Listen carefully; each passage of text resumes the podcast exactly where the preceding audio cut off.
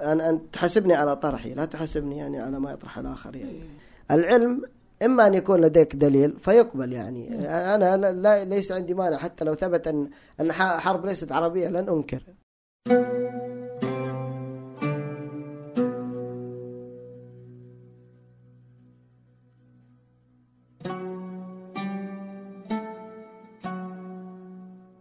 أهلا. هذا فنجان. وأنا عبد الرحمن أبو مالح.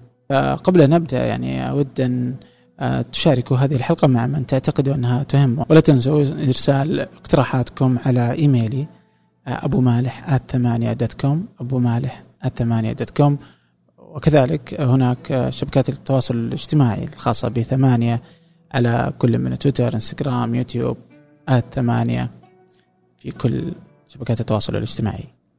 أما الآن لنبدا أهلا أبو محمد. الله يحفظك. يا. أهلا وسهلا. الله يبارك فيك. آه تعبان اليوم يعني. والله آه، أنا جاي من سفر من كوريا ف آه. من كوريا للمدينة المنورة ومن المدينة المنورة للرياض. فيبدو أن الجو يعني صمم ان ياخذ حقه مني. آه أخذ أخذ ما أخذ. أنا كنت في كوريا السنة اللي فاتت. نفس ذا الوقت June آه يونيو. سبحان لا أنا جيت بعدك آه، 2 July كنت في كوريا. امم يعني شو تسوي في كوريا؟ آه، أنا مكلف أنا هناك مدير مكتب أرامكو السعودية لل strategic sourcing. أي نعم وكم صار لك في كوريا؟ الآن بكمل سنة سنة؟ أي كوري. أنا توني والله أتعلم كوري يعني آه. أي قاعد أتعلم اللغة بس آه، شلون تعلمت كوري؟ أنا قاعد أتعلم الحين مم. يعني في جامعة اسمها يونسي طبعا الحروف أنا تعلمتها من نفسي أوكي. يعني مو صعب تتعلم تقرأ وتكتب. بسيطة يعني؟ إي بسيطة. أنا أتوقع يعني في أسبوع جت الكتابة كلها. امم. ما شاء الله. آه، بس الإشكالية في النحو لأن النحو الكوري يعني عكس النحو العربي. قريب من النحو الهندي والفارسي. الفعل يجي في آخر الجملة. الفعل لا يصرف مع أي ضمير. آه، حروف الجر آه، يعني ليست موجودة بالشكل الموجود بالعربي تكون جزء من الكلمة أوكي يعني فيها أشياء غريبة جدا لغويا يعني غريبة صراحة قريبة من اليابانية ترى تتكلم ياباني؟ لا أعرف كثير من الياباني بس ما أتكلم لكن آه ترى أنا عندي حالات غريبة يعني أتكلم أنا بيقولوا مجنون ليه قول يعني أنا في لغات أترجم منها وأنا ما أتكلمها إيش دعوة؟ كيف؟ إيه؟ ما ترجم لغات وأنت ما تتكلم؟ إيه شلون؟ ما أدري شلون يعني أنا أترجم وأفهم اللغة المكتوبة يعني تماما يعني كأي واحد يجيد مم. اللغة. يعني بس إنك لا تتحدثها فقط يعني؟ أبدا ما أتحدثها. آه يعني يعني فتعرفها قراءه وكتابه إي بالضبط. البرتغالية آه يعني أترجم عنها بس أنا ما أتكلمها ابدا. أوكي. ما ت... يعني لو تكلموا برتغالية ما تعرف جالسين إلا أفهم لأني أتكلم إسبانية. آه. فأفهم لكن يعني عندي القدرة إني أترجم حتى رواية من البرتغالية. ويعني أضمن جودة الترجمة. وما راح أحد يكتشف إني ما أتكلم برتغالي ابدا طيب إيش اللغات اللي زي كذا؟ أنا ما ما أحب آه، صراحة الموضوع ده يعني أحاول أخرج عنه لكن ليه ليه ليش تخرج عن الناس؟ ل- لأن الموضوع يعني أصبح آه، يعني تأطير النواف إنه يعني لغاته بس رغم آه. اللغات يعني أنا أرى إنها مجرد أداة للوصول للمعرفه يعني أنا عندي شغف آه، معرفي أو آه، بالعامية لقافة معرفية. فضول معرفي كبير يعني يعني من وأنا صغير صراحة. فكانت أصلا اللغة يعني حب للغات آه، السبب ربما يعني يرى الكثير من الناس سبب تافه. كان بسبب أفلام الكرتون. يعني كنت أتابع القناة الثانية بشكل كبير لدرجة إني أحفظ جدول القناة الثانية في الأسبوع كامل. طبعا ما كان عندهم برامج كثيرة لكن كنت أحفظ الجدول اليومي بالأيام يوم. السبت يوم الأحد أعرف إيش كل شيء بيجي. صار عندي فضول يعني لما أتابع أفلام الكرتون يكون في مشهد مضحك. يعني كنت أتضايق كثيرا إن أكون كالأطرش في الزفة. أوكي. فكان عندي آه، أخوان. يعني أكبر مني نايف وبجاد فكانوا يدرسون في المرحلة المتوسطة. طبعا يدرسون إنجليزي. فكنت أسألهم ما يجاوبوني ما نعرف شلون تدرسون إنجليزي ما تقدرون تفهمون. أنت كنت وقتها أي صف يعني؟ أنا كنت في الابتدائية. في الأول ابتدائي. آه أول ابتدائي. إيه، إيه. يعني واحد من إخواني اشترى لي كتاب آه، تعليم الحروف الإنجليزية وبدأوا يعطوني الحروف A B C D كيف أكتب. فتعلمت. بعدين شريت كتاب يعني ما زلت أذكر اسم آه، اسم الترجمان الصحيح. ما زال موجود في السوق. يشرح اللغة الإنجليزية. يعني عن نسق كتب تعلم الإنجليزية في أسبوع لكن أكثر رصانة. يعني حتى كان مؤلف ينقحر الكلمات الإنجليزية بالعربية. فيكتب the book بالعربية ذا يا باء واو كاف.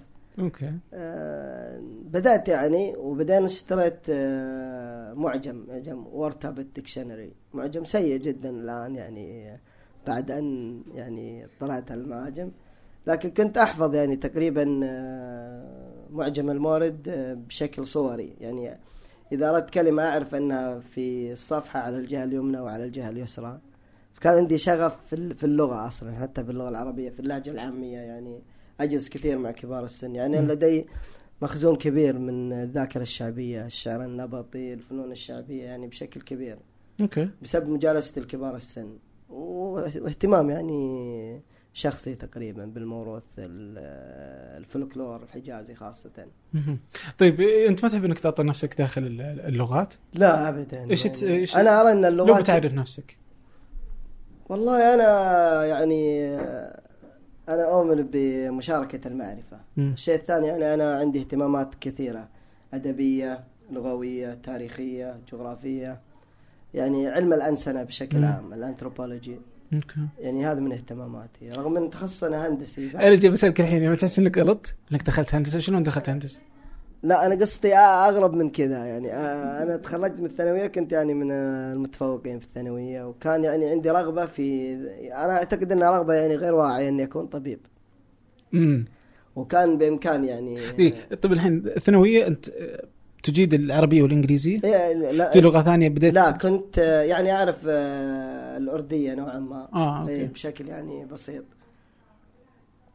فلما تخرجت من الثانوية يعني آه، كان لدي رغبة يعني غير واعية ان ان أكون طبيب. أنت مو أهلك يعني. لا ابدا ابدا ابدا. آه، لكن أمي وقفت يعني ضد الموضوع. ف ليش كانت تقول؟ يعني هي كان عندها فلسفة وأنا أدعي لها يعني إنها كانت يعني آه، ضد الموضوع. يعني هي عندها فلسفة إنك آه، راح تعيش حياتك كلها مع المرضى مم. يعني آه، من ناحية إنسانية نظرت لها. ف يعني لم أرد يعني أن أغضبها. فتساوت لدي كل التخصصات. وحقيقة لم يكن لدي هذا الوعي الحالي في. اختيار التخصص و فاخترت آه، اللغة الفرنسية في جامعة الملك عبد العزيز. وقبلت أظن كان ال- الكلام هذا في عام 1416 96 ميلادي تقريبا فقبلت وكنت في جدة قابلت آه، ولد عم لي ساكن في الشرقية ويعني يعمل في أرامكو السعودية. آه، فقال إيش سويت؟ قلت له والله سجلت أدب فرنسي. فزعل شلون أدب فرنسي؟ وجايب ممتاز ودارس علمي وواحد ترجم يعني. ولا؟ المهم يعني أقنعني إنه أسجل يا إما في أرامكو كان في نظام CPC. أو في جامعة البترول. اقتنعت سافرت مع الشرقية وكان آخر اختبار في جامعة البترول. كانت الاختبارات تختلف عن الوضع الحالي. أه سبحان الله دخلت الاختبار فيعني جبت من الدرجات العالية في الاختبار وفي اللغة الإنجليزية جبت درجة كاملة ما شاء الله. فجامعة الملك عبد العزيز كانوا وقعوني على إقرار إني ما أسحب الشهادة إلا بعد شهر آه كان في نظام ذيك الأيام بسبب آه، يعني إن- تخصصات آه. و... أو إنه في ناس اللي يسوون يروحون إيه ربما يسجل في أكثر من يسجل جامعة أكثر من يضيع. الفرص على الناس آه. الآخرين آه المهم يعني عن طريق معرفة واسطة استطعت أن يعني طلع آخذ الشهادة. وسجلت في جامعة البترول. وعديت اللغة الإنجليزية حقت السنة الأولى. مم. وكان بإمكاني أعدي يعني السنة الأولى كاملة الرياضيات. لكن آه، يعني أحدهم نصحني نصيحة سيئة إنه لابد تدرس الرياضيات وهي تأسيسية. في النهاية اكتشفت إنها رياضيات الثانوية يعني بس في مم. اللغة الإنجليزية. آه، دخلت طبعا تخصص هندسة كهربائية. أوكي. آه، في جامعة البترول. كانت يعني من أجمل سنوات العمر يعني آه، تشكلت كثير من معارفي في جامعة البترول حقيقة. اي لا تجربة الجامعة أتوقع إنها إيه، دائما تضفي خصوصا البترول جداً، ثرية آه، جداً. لأنه تسكن فيها وزي كذا فهي بالضبط بالضبط. تضفي كثير لطلابها يعني. بالضبط. هذا اللي يخليهم عنصريين تجاهها. أصلا. مو بس عفوا متعصبين عفوا متعصبين تجاهها.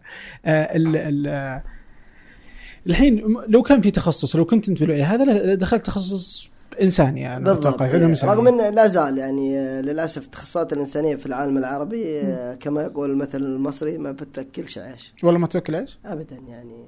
آه، أنا يعني أرى إن لا زلنا يعني في فجوة زمنية إني أجد طالب سعودي تسأله ماذا تريد أن تصبح عندما تكبر؟ ثم يقول لك أريد أن أكون كاتب. هذه تكاد تكون من علامات القيامة. آه اي ممكن ما يكون في البداية وهو صغير الحين. عادة طيار مهندس اي طبيب. مهندس ما عندنا طبيب مشكلة صحيح. فعلا آه، بس إنه بس الكاتب اليوم صار يأكل عيش مثلا نوعا ما لكن ما زال يعني آه، مستحيل تجد آه، طفل يعني إيه. لديه طموح أن يكون كاتبا ان يكون مؤلف أن يكون باحث. ما زلنا يعني بس لو اليوم واحد متخرج من الثانوي الآن في ناس تخرج من الثانوي بيدخلون الجامعة بعد كم شهر صحيح هل تشوف إنه دخوله في العلوم الإنسانية مجدي أصلا؟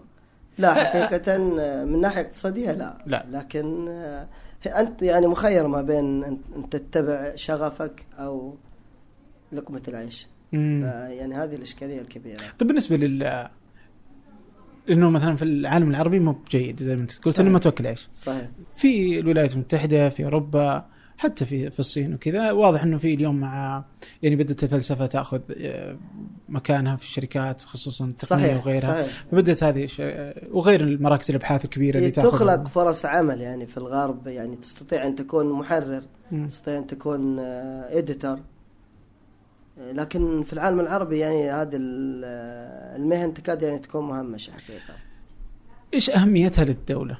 هل مهم انه يكون في طلاب كثر يدرسون علوم إنسانية؟ نعم أنا أرى أنه يعني حتى سياسيا مم. أصلا العالم الغربي آه، الاستعماري بني على العلوم الإنسانية يعني ال- علم اللغويات مثلا وعلم الأنسنة كانت يعني أدوات استعمارية في بدايتها مم.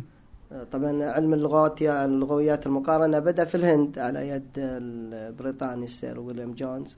أو جيمس آه، كان حاكم أظن في كولكتا في الهند وبدأ علم اللغويات لما درس اللغة السنسكريت- السنسكريتية اكتشف أن هناك تشابه بينها وبين واللاتينية. هي لغة الهند القديمة.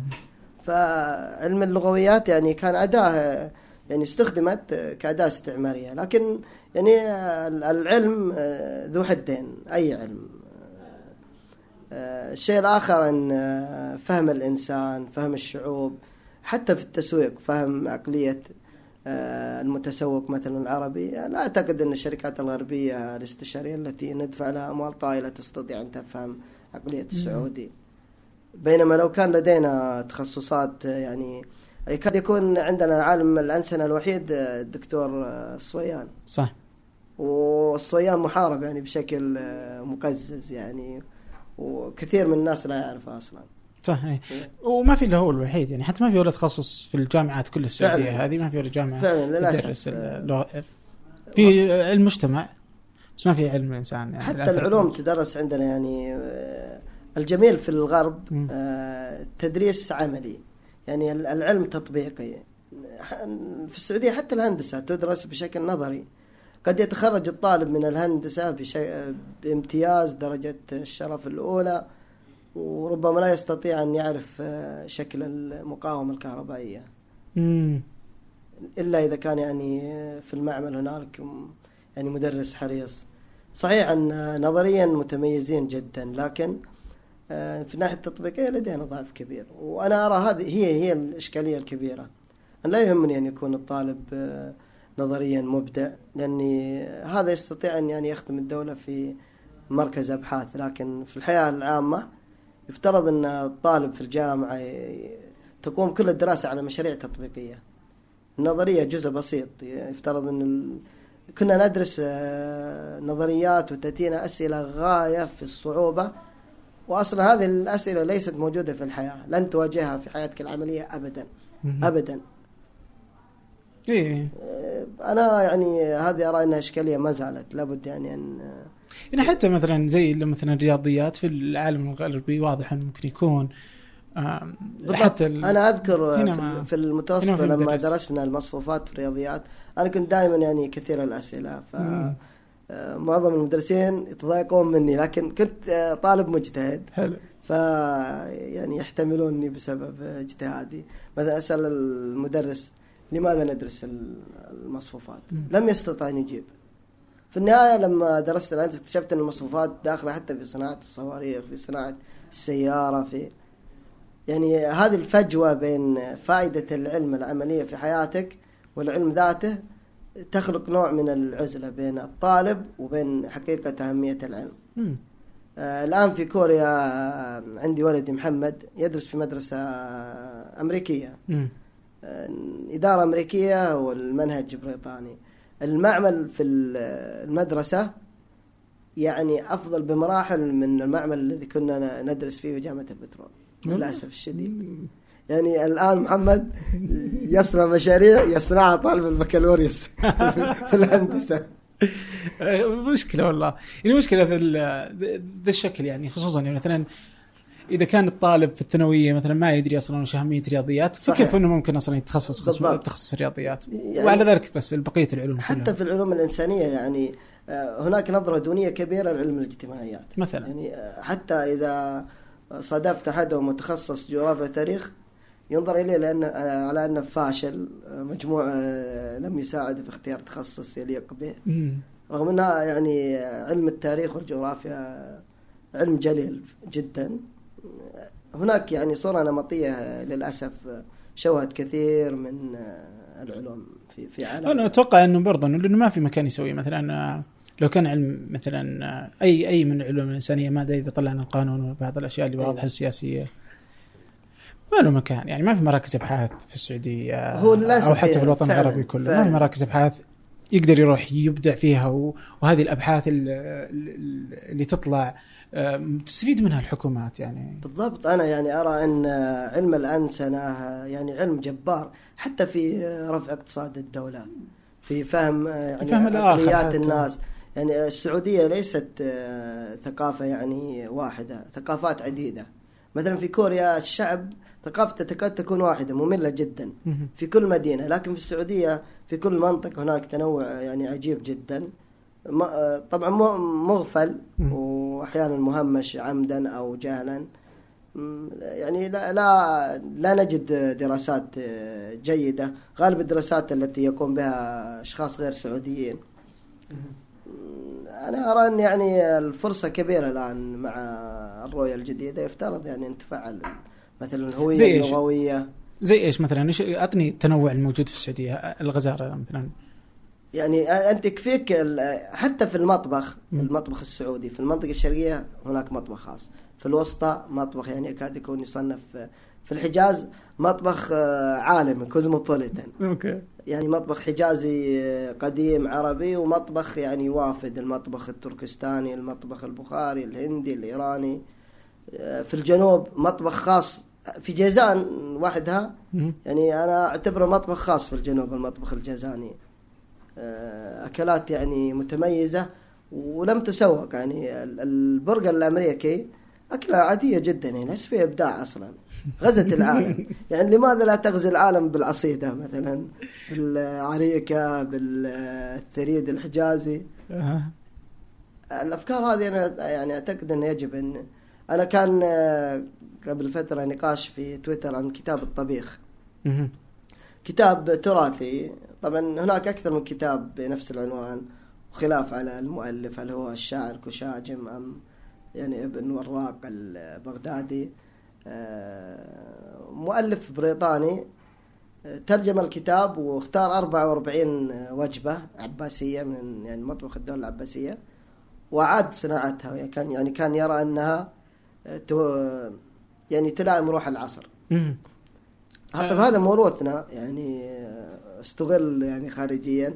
بينما في السعودية أرى انتشار للأكل القمامي أو الجنك فود.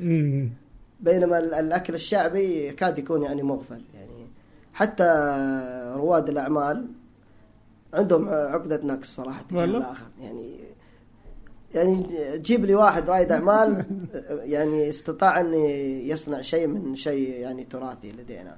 قلة ما في أمثلة للأسف يعني. قلة والله يعني. إيه قليل يعني. رغم إنه في فرص عليها يعني في فرص كبيرة. الشاي مثلا عندنا في المدينة ثقافة الشاي ترى يعني تحتاج مجلدات. شلون يعني الحكي؟ الشاي أهل المدينة لديهم فلسفة خاصة في الشاي. آه، يعني أنا أظن أنا أكثر آه، مكان في العالم آه، يعني يضيف إضافات على الشاي. لدينا مثلا سبع النوامي. النوامي يعني نباتات نامية. آه. النمام والدوش والنعناع. والنعناع الحساوي آه، المشهور في السعودية باسم الحبق في. المدينة نسميه النعناع الحساوي نسبة لوادي الحسا آه، يعني وادي الحسا من أفضل المناطق لزراعة آه، الحبق. اللي هو نعناع اي فلكن في المدينة يعني لا أحد يسميها الحبق يسميها حساوي نسبة للوادي هذا. آه، مثلا الم- المرامية الليمون أبو زهير. يعني في ثقافة و... و... أقدر أقول يعني مدرسة ذوقية في الشاي في المدينة المنورة. يعني هذه يمكن أن تكون فكرة يعني عمل ريادي تجاري. آه، ستكون ناجحة جدا. يا الشاي يعني أنا في آه، رسالة ال- في ماجستير آه، أنا درست ماجستير إدارة أعمال. فدرسنا مادة اسمها ريادة الأعمال entrepreneurship كان يدرسنا رئيس آه، منظمة اليونيدو. منظمة تابعة للمتحدة مهتمة بريادة الأعمال. لكن آه، في ذيك الأيام كانت آه، يعني لا تعمل في السعودية لأسباب يعني اجهل متى ذيك الأيام؟ آه، 2007 تقريبا مم. كذا ميلادي. آه، فأنا أنا سويت ال- المشروع حق المادة tea shop بالإنجليزية طبعا. وسميته أنا بالعربي المشهى. آه من المقهى رديف يعني. للمقهى بالضبط. أوكي. إيه لا ال- القهوة والشاي أصلا يعني آه، وجودها حتى يعني كثير من الأشياء اللي لها علاقة لأنه كانت الجزيرة العربية لطالما إنها كانت آه بحكم وجود والمدينة بالضبط. مكان يأتي إليه العالم من كل مكان على مر العصور يعني. صحيح. وفيها كثير. فيها اذا الحين بنحكي فيها في الجزيرة العربية فيها ال- اللغات فيها صحيح. الثقافة فيها الحضارات الموجودة فيها. بالضبط يعني القهوة هي المنتج العربي الوحيد اللي غزا العالم ولكن من دون تدخل عربي.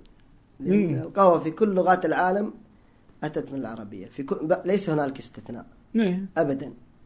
إيه، القهوة قهوة عربية. صحيح. شاذلية.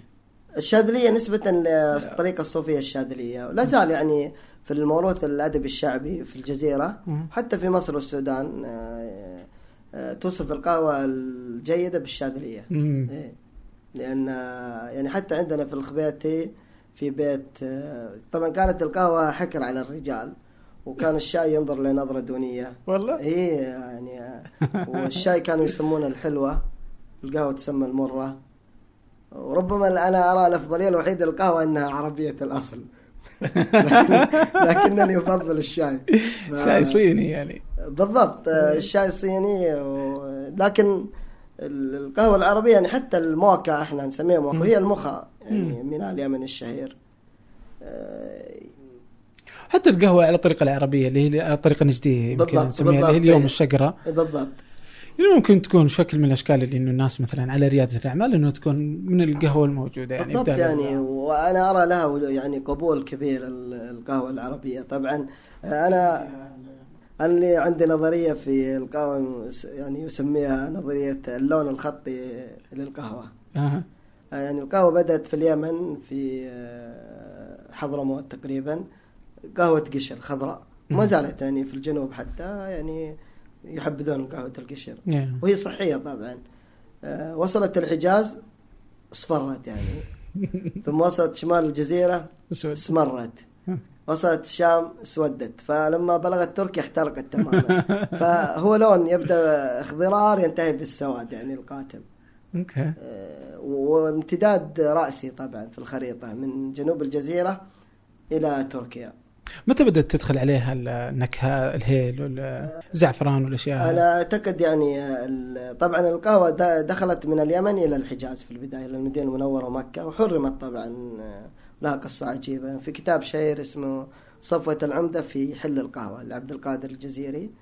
كان هذا يعني آه، هو قائد مواكب الحج المصري آه، لمدة 20 سنة. لديه مؤلفات كبيرة هو مؤرخ ونساب فحرمت أيام الدولة المملوكية. مم. وسبب التحريم أن الصوفيين أصلا الشجرة اسمها البن ترى. الشجرة اسمها الشجرة اسمها البن هذا الاسم الأصلي. آه، الصوفية الشاذلية يعني لأن كثير منهم أدباء فأعطوها اسم القهوة لأن القهوة من أسماء الخمرة. مم. والخمرة يعني سميت القهوة لأنها تقهي شاربها أي تمنعه عن الزاد. مم. ف... فاسموها قهوة البن. ثم يعني انتشر آه، الصفة انتشرت ونسي الاسم البن لكن ما زال يستخدم البن وال... وحرمت كذا بس الاسم لا. حرمت بسبب لما فتحت المقاهي في مكة والمدينة آه، كان آه، يعني الأوباش الدرباوية في ذاك الزمن. كثير يتجمعون في المقاهي ويضايقون الناس فأصبح هناك اعتقاد أنه فعلا خمرة أوكي لأنهم خرجوا عن المألوف فصارت هناك يعني شكاوى وصدر فتوى في مكة بتحريم القهوة وفي المدينة طبعا اشتكوا الناس واجتمعوا في مصر آه، وجمعوا الفقهاء كل المذاهب الأربعة. وأحضروا تقريبا آه، 30 أو 40 شخص وقاموا يعني آه، سقوهم قهوة أمام الشيوخ. حتى يعني يرون هل يعني تعتريهم يعني آثار السكرة وآثار الخمرة في النهاية اكتشفوا فعلا ليس هنالك سكر ولا فحللت من جديد القهوة. مم. مشكلة ذي القهوة. في طبعا الكتاب بحطه في وصف الحلقة. أي إن شاء الله. وفي مقالة كذلك الماجد عدنان آه، على ثمانية برضو عن جميل. تاريخ القهوة. برضو بتكون مفيدة آه، بتكون في وصف الحلقة.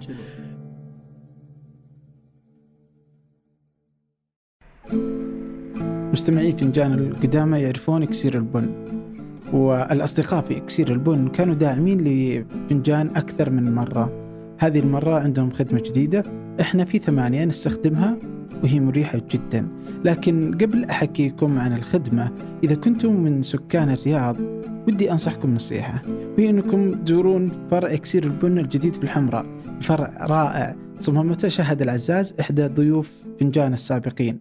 كنا في ثمانية في هذه الخدمة من أوائل الناس المشتركين فيها. هي اشتراك شهري عبر المتجر الإلكتروني تصلك نكهتين مختلفتين من البن كل شهر. شهر من السلفادور وكينيا شهر ثاني من إثيوبيا واليمن. ولا تتعب نفسك وتحتار وتختار. اشترك مرة واحدة واستمتع بالقهوة تصلك أينما كنت في السعودية أو خارج السعودية. الاشتراك في الخدمة متوفر عن طريق موقعهم اكسيرالبون.com اكسيرالبن.com أو ابحث في جوجل اكسير البن راح يكونون في أول النتائج. و آه سواء اشتركت في الخدمة أو لا إذا رحت الفرع اهمس في إذن الساقي فنجان. يمكن يعطونك قهوة ببلاش.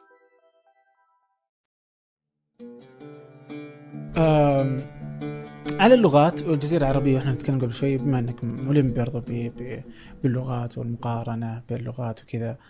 في فكرة آه، أنت قلت إنه اللغات بدل ما سميتها الجزيرية. اي طبعا ال- العلماء يقولون لا مشاحة في المصطلح مم. مصطلح السامية هو مصطلح غربي لاهوتي يعني هو له خلفية دينية أصلا لأن آه، في التوراة في آه، سفر التكوين هناك يعني نظرية في التوراة عن آه، اختلاف اللغات أو حلو. بلبلة اللغات يعني التوراة تروي في سفر التكوين أن البشر اجتمعوا ليتآمروا على الرب وعزموا على بناء برج عالي للوصول إلى أسرار السماء. طبعا آه، حسب الرواية التوراتية أن الرب يعني آه، شعر بالخوف يعني أمر لا يعقل إن- يعني يخاف الخالق من المخلوق. فقرر أن يعني آه، يباغتهم فلما أصبحوا إذا هم يتكلمون سبعين لغة فأصبحت إمكانية التواصل والتآمر مستحيلة ويعني يدعون أن بابل المدينة العراقية سميت بابل بسبب هذه القصة من الجذر ال- العبري العربي بالعبرية بلبل وبالعربي بلبلة يبلبل بلبلة. طبعا لغويا ما يصح ال- التأثيل هذا لأن بابل معروف لغويا أنها كلمة يعني عروبية قديمة باب إيل باب الرب. لأن الإيل والإل حتى باللغة العربية وفي القرآن تعني الرب. فمثلا جبرائيل تعني رجل الله جبرائيل وجبر باللغة العربية أصلا تعني الرجل وتعني العبد. فجبريل أصلا تعني عبد الله. ميكائيل مثلا آه، بالعبرية وبالعربية ربما القديمة ميكائيل من كالله من مثل الله مم. ويقصد من يخلق يعني كخلق الله فهذه اللاحقة يعني الموجودة في هذه بأي الأسماء. لغة؟ العبرية؟ آه هنا الإشكالية هي في اللغات الق... ال... ال... يعني الشقيقة العربية كلها يعني ال بالعبرية بالسريانية بالأكادية كلها تعني الله مم. حتى في الحميرية القديمة وفي ال... لكن آه للأسف الأدبيات الغربية تروج أن اللغة العبرية أقدم لغة وهذا مو صحيح. حلو. يعني- بس أنت قبل شوي قلت إنه مثلا أو يعني بس أقدم العربية صح؟ لا. كيف جت ال... اي أنا أقول لك هنا الإشكالية يعني إذا نظرنا إلى علم النسب العرب أبناء إسماعيل والعبرانيين أبناء إسحاق. حلو. وإسماعيل أكبر من إسحاق. فلا يعقل يعني ولا يعقل أن إسماعيل وإسحاق كانوا يتكلمون لغتين يعني مختلفتين. هي في لغة أم قديمة تفرعت منها العربية والعبرية واللغات يعني التي تسمى اللغات السامية. طبعا السامية الاسم جاء من التوراة أيضا في قصة طوفان نوح عليه السلام. آه، يعني ابن العاصي هلك وبقي معه ثلاثة أبناء مم. سام وحام ويافث. أوكي. فسام هو أبو الشعوب السامية العرب والأحباش والسريان والكلدان والبابليين آه، بينما حام اللي هم وين موجودين اليوم على الخريطة؟ ال- الآن الشعوب السامية القديمة في إثيوبيا ط- طبعا آه، الشيء العجيب أن في إثيوبيا أكثر عدد من اللغات السامية مم. هناك أكثر من آه، 21 لغة منها اللغة القعزية القديمة الحبشية القديمة التي كانت يتحدث بها النجاشي مم. والآن ما زالت يعني هي لغة الكنيسة كتب بها الإنجيل بالترجمة القديمة. اللغة الأمهرية اللي هي الأمهرية لغة إثيوبيا الرسمية لغة التجرينيا والتجرية في إريتريا آه، لغة الأرجوبا. آه، هناك عدد كبير من هذه اللغات لكن أكبر لغة سامية متكلمة بعد العربية هي اللغة الأمهرية اللي هي اللغة الرسمية في إثيوبيا. أوكي. آه، أديس أبابا ترى كلمة يعني عربية. أديس يعني حديث جديد. أبابة اللي هي أب العشب بس بال- بالحبشية تعني الزهرة. فأديس أبابة تعني الزهرة الجديدة. مم. فطبعا فأصلها كلها سام. كلها سامية. إنه كان فهو مثلا اللي هو أب هذه الناس يعني هم نسبوا- نسب- الموجودين وين؟ إثيوبيا الجزيرة العربية. العراق بلاد الرافدين أوكي. الشام. هذه هذه الشعوب السامية اللي هم السريان والعرب والأكاديين. الأكاديين تفرع منهم شعبين البابليين والأشوريين. أها. وطبعا في شعوب حتى الأسماء التي تستخدم لوصفهم أسماء اصطلاحية يعني ربما. يعني ربما لم يكن اسمهم كما الأوغاريتيين مثلا. يعني الآن في نظريات كثيرة تقول أن الأوغاريتي الأوغاريتيين عرب أصلا عرب أقحاح يعني مش شعب ثاني مم. أصلا اللغة الأوغاريتية لو تقرأ فيها تستغرب يعني آه، مثلا الثعبان نسميه حنش مم. وحتى في الجنوب يعني صح. لكن هم يسمونه نحش يقلبون أوكي يعني فيها مثنى فيها إعراب نصب وجر هي اللغة الوحيدة اللي فيها إعراب زي العربي الاكاديه فيها إعراب آه، مش كامل. آه، بدل التنوين فيها تمويم بالميم بدل النون كل اللغات السامية الأخرى فقدت الإعراب يعني لا السريانية ولا العبرية ولا الحبشية ولا الجعزية ليس هل ليش. هل العبرية الأولى عن عبرية العبريه اليوم تفرق؟ تفرق كثير. العبرية الحالية العبرية الحديثة المتع... التي يعني اللغة الرسمية في الكيان الصهيوني. لغة آه، عبرية آه، يعني آه، تم يعني صياغتها بنفس أوروبي خاصة على لغة اليدش. اليهود في أوروبا في ألمانيا وفي روسيا كانوا يتكلمون لغة خليط من اللغة الألمانية الوسطى واللغة العبرية يسمونها اليدش. وما زالت يعني متحدثة حتى في آه، الكيان الصهيوني وفي نيويورك تصدر جرائد باللغة اليدش بالإنجليزية تسمى. بالعربية اسمها اللغة اليدية. ف لما أحيوا اللغة العبرية على يد آه، يهوذا بن اليعازر كان هناك معارضة كبيرة من آه، الكهنة لأن كانوا يعتبرون أن اللغة مقدسة يعني يسمونها الليشون قدشت اللسان المقدس. وكانوا يرون أن إعادتها للشارع امتهان لهذه اللغة المقدسة. يعني عندهم عنصرية عجيبة. ال- ال- من الأشياء الغريبة ال- كل السباب والشتم في اللغة العبرية الحديثة عربي باللهجة الفلسطينية. ما يعني على إنه بدون لغة- استثناء. بدون استثناء. مم. كل ألفاظ الشب السباب عربية بحتة. هم يعني عنصرية يوم يرون إن اللغة إنه العربيه لغة لغة نظيفة مقدسة، اي. بالضبط. وهو غير صحيح يعني. لكن آه، لما عادوا إحياء اللغة العبرية يعني حتى في النحو بسطوا أشياء كثيرة. اللغة العبرية الكتابية أصعب من اللغة العبرية الحديثة وأقرب للغة العربية. مم. آه، طبعا آه، صيغ الفعل اختصر كثير منها. آه، يعني ليس بالضرورة إذا جت العبرية الحديثة أن تفهم عبرية آه، التوراة. أوكي. طيب سام وش كان يتكلم؟ لا أحد يعلم. يعني هذه ال- القضية لغة آدم القضية ال- ال- ال- العجيبة يعني. طبعا أنا أرى أن اللغة سابقة للإنسان. اللغة موجودة قبل وجود الإنسان. أوكي. بدليل- الآن هل اللغة قبل الإنسان ولا الانسان قبل؟ اللغة؟ لا أنا أرى أن اللغة قبل الإنسان. لذلك يعني آه، لما خلق الله آدم. كان آه، هنالك لغة. كان الجن يتكلمون. إبليس كان من الجن. كان يتكلم مع الملائكة. فكان يتكلم بلغة.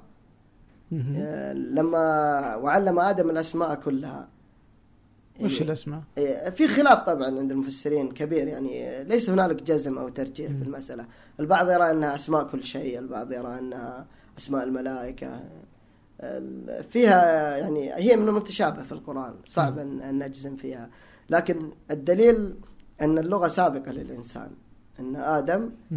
آه، طبعا نجي لمساله هل اللغة إلهامية أم اصطلاحية؟ طبعا هذه القضية ناقشوها علماء ال- المسلمين يعني منذ القدم. آه، ابن حزم مثلا يرى أن اللغة إلهامية.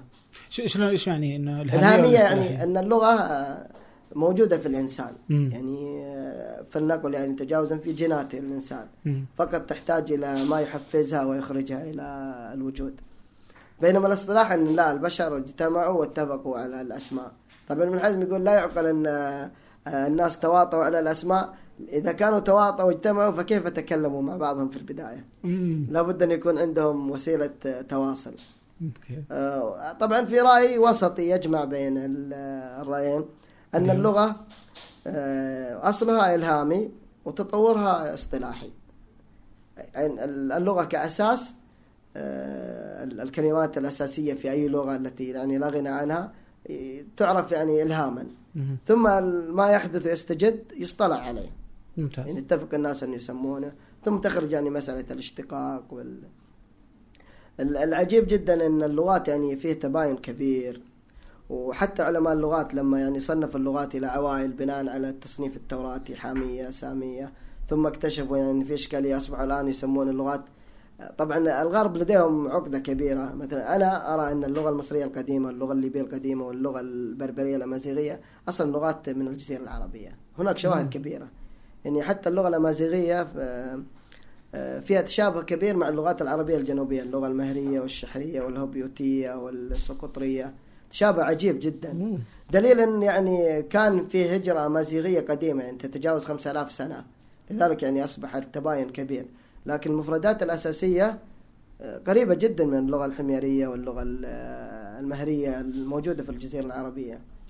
طبعا ال- طيب ممكن يقول لك إنه إثر آه، الإسلام؟ الإسلام لا لما انتشر هناك. آه، لا أثر يعني. لأن في اللغات في آمر يسمونها اللغة المفردات الأساسية. يعني لا يعقل أن لغة تستعير كلمة يد من لغة ثانية. منطقي. ولا يعقل أنها تستعير كلمة سماء أو بحر من لغة ثانية إلا إذا كان ما عندهم بحر. ففي مفردات أساسية إذا وجدت تشابه فمعناه إنه في أصل واحد. حلو. الشيء الثاني العجيب إنه لو ترى في الفتوح الإسلامية اللغة العربية في الشرق لم تنتشر في بلاد فارس في ال... بينما في المغرب وفي مصر اكتسحت كل اللغات وأصبحت هي اللغة الموجودة يعني لأن لها أصل تعتقد يعني أنا؟ ارى إيه التقارب ال- ال- القديم اللي يعني مجهول طبعا حتى كثير من علماء ال- البربر يرون أن أصولهم حميرية ابن خلدون آه، طبعا رغم إنه عربي يعتبر. يرى ذلك آه، وفي طبعا موجة كبيرة يعني أمازيغية قومية تنفي كل صلة العرب. آه، لكن يعني لا أرى عندهم آراء علمية يعني تستحق النظر. طيب هل ال- العرب عرب؟ ولا بس العرب أهل الجزيرة العربية؟ هنا إشكالية أخرى يعني. أنا قصدي العرب عرب اللي هو ال- بالشكل ال- اليوم ال- القطري. هو ال ال ال الاسم كعرب يفترض إنه اصطلاحا أصبح نسل قحطان وعدنان يعني هؤلاء هم العرب يعني. حتى ترى في آه، أنا عندي إشكالية مع نظرية العرب العاربه والمستعربه أنا لا أؤمن بها مم. يعني أنا أرى إن أنا أرى. إن العدنانيين والقحطانيين يعني أرومة واحدة لأن لا يعقل أن آه، تقول إن الرسول مستع- بذرة. مستعرب ثم تقول مو بإهانة طيب لا ثم تقول أشرف العرب قريش. في إشكالية يعني. في رأي طبعا بعض طيب بس أنت برضه تشوف إنه ال- العربية الحجازية أي. أحسن من العربية القرشية صح؟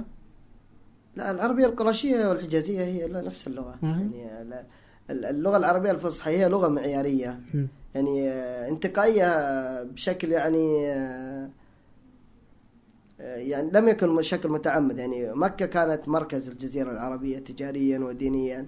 ف يعني أصبحت تشكلت بسبب التجارة والتواصل الديني آه، لهجة حجازية مكية يعني انتقت من لهجات الحجاز ولهجات الجزيرة الأخرى مم.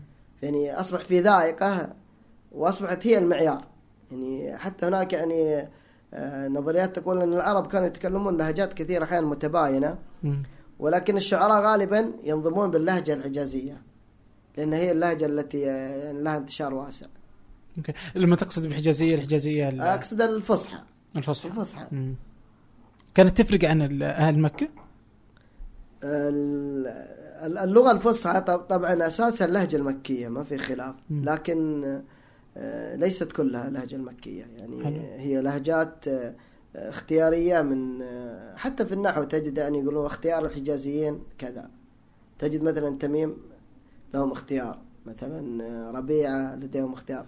مثلا هذيل وهي قبيلة مكية كانت آه، تقلب العين حاء الحاء عين يعني حتى تصبح عتى. لكن هذه ما ما, ما تعتبر لغة فصيحة رغم أن هذيل فصيحين. فمسألة الفصاحة هي مسألة آه، معيارية. أوكي.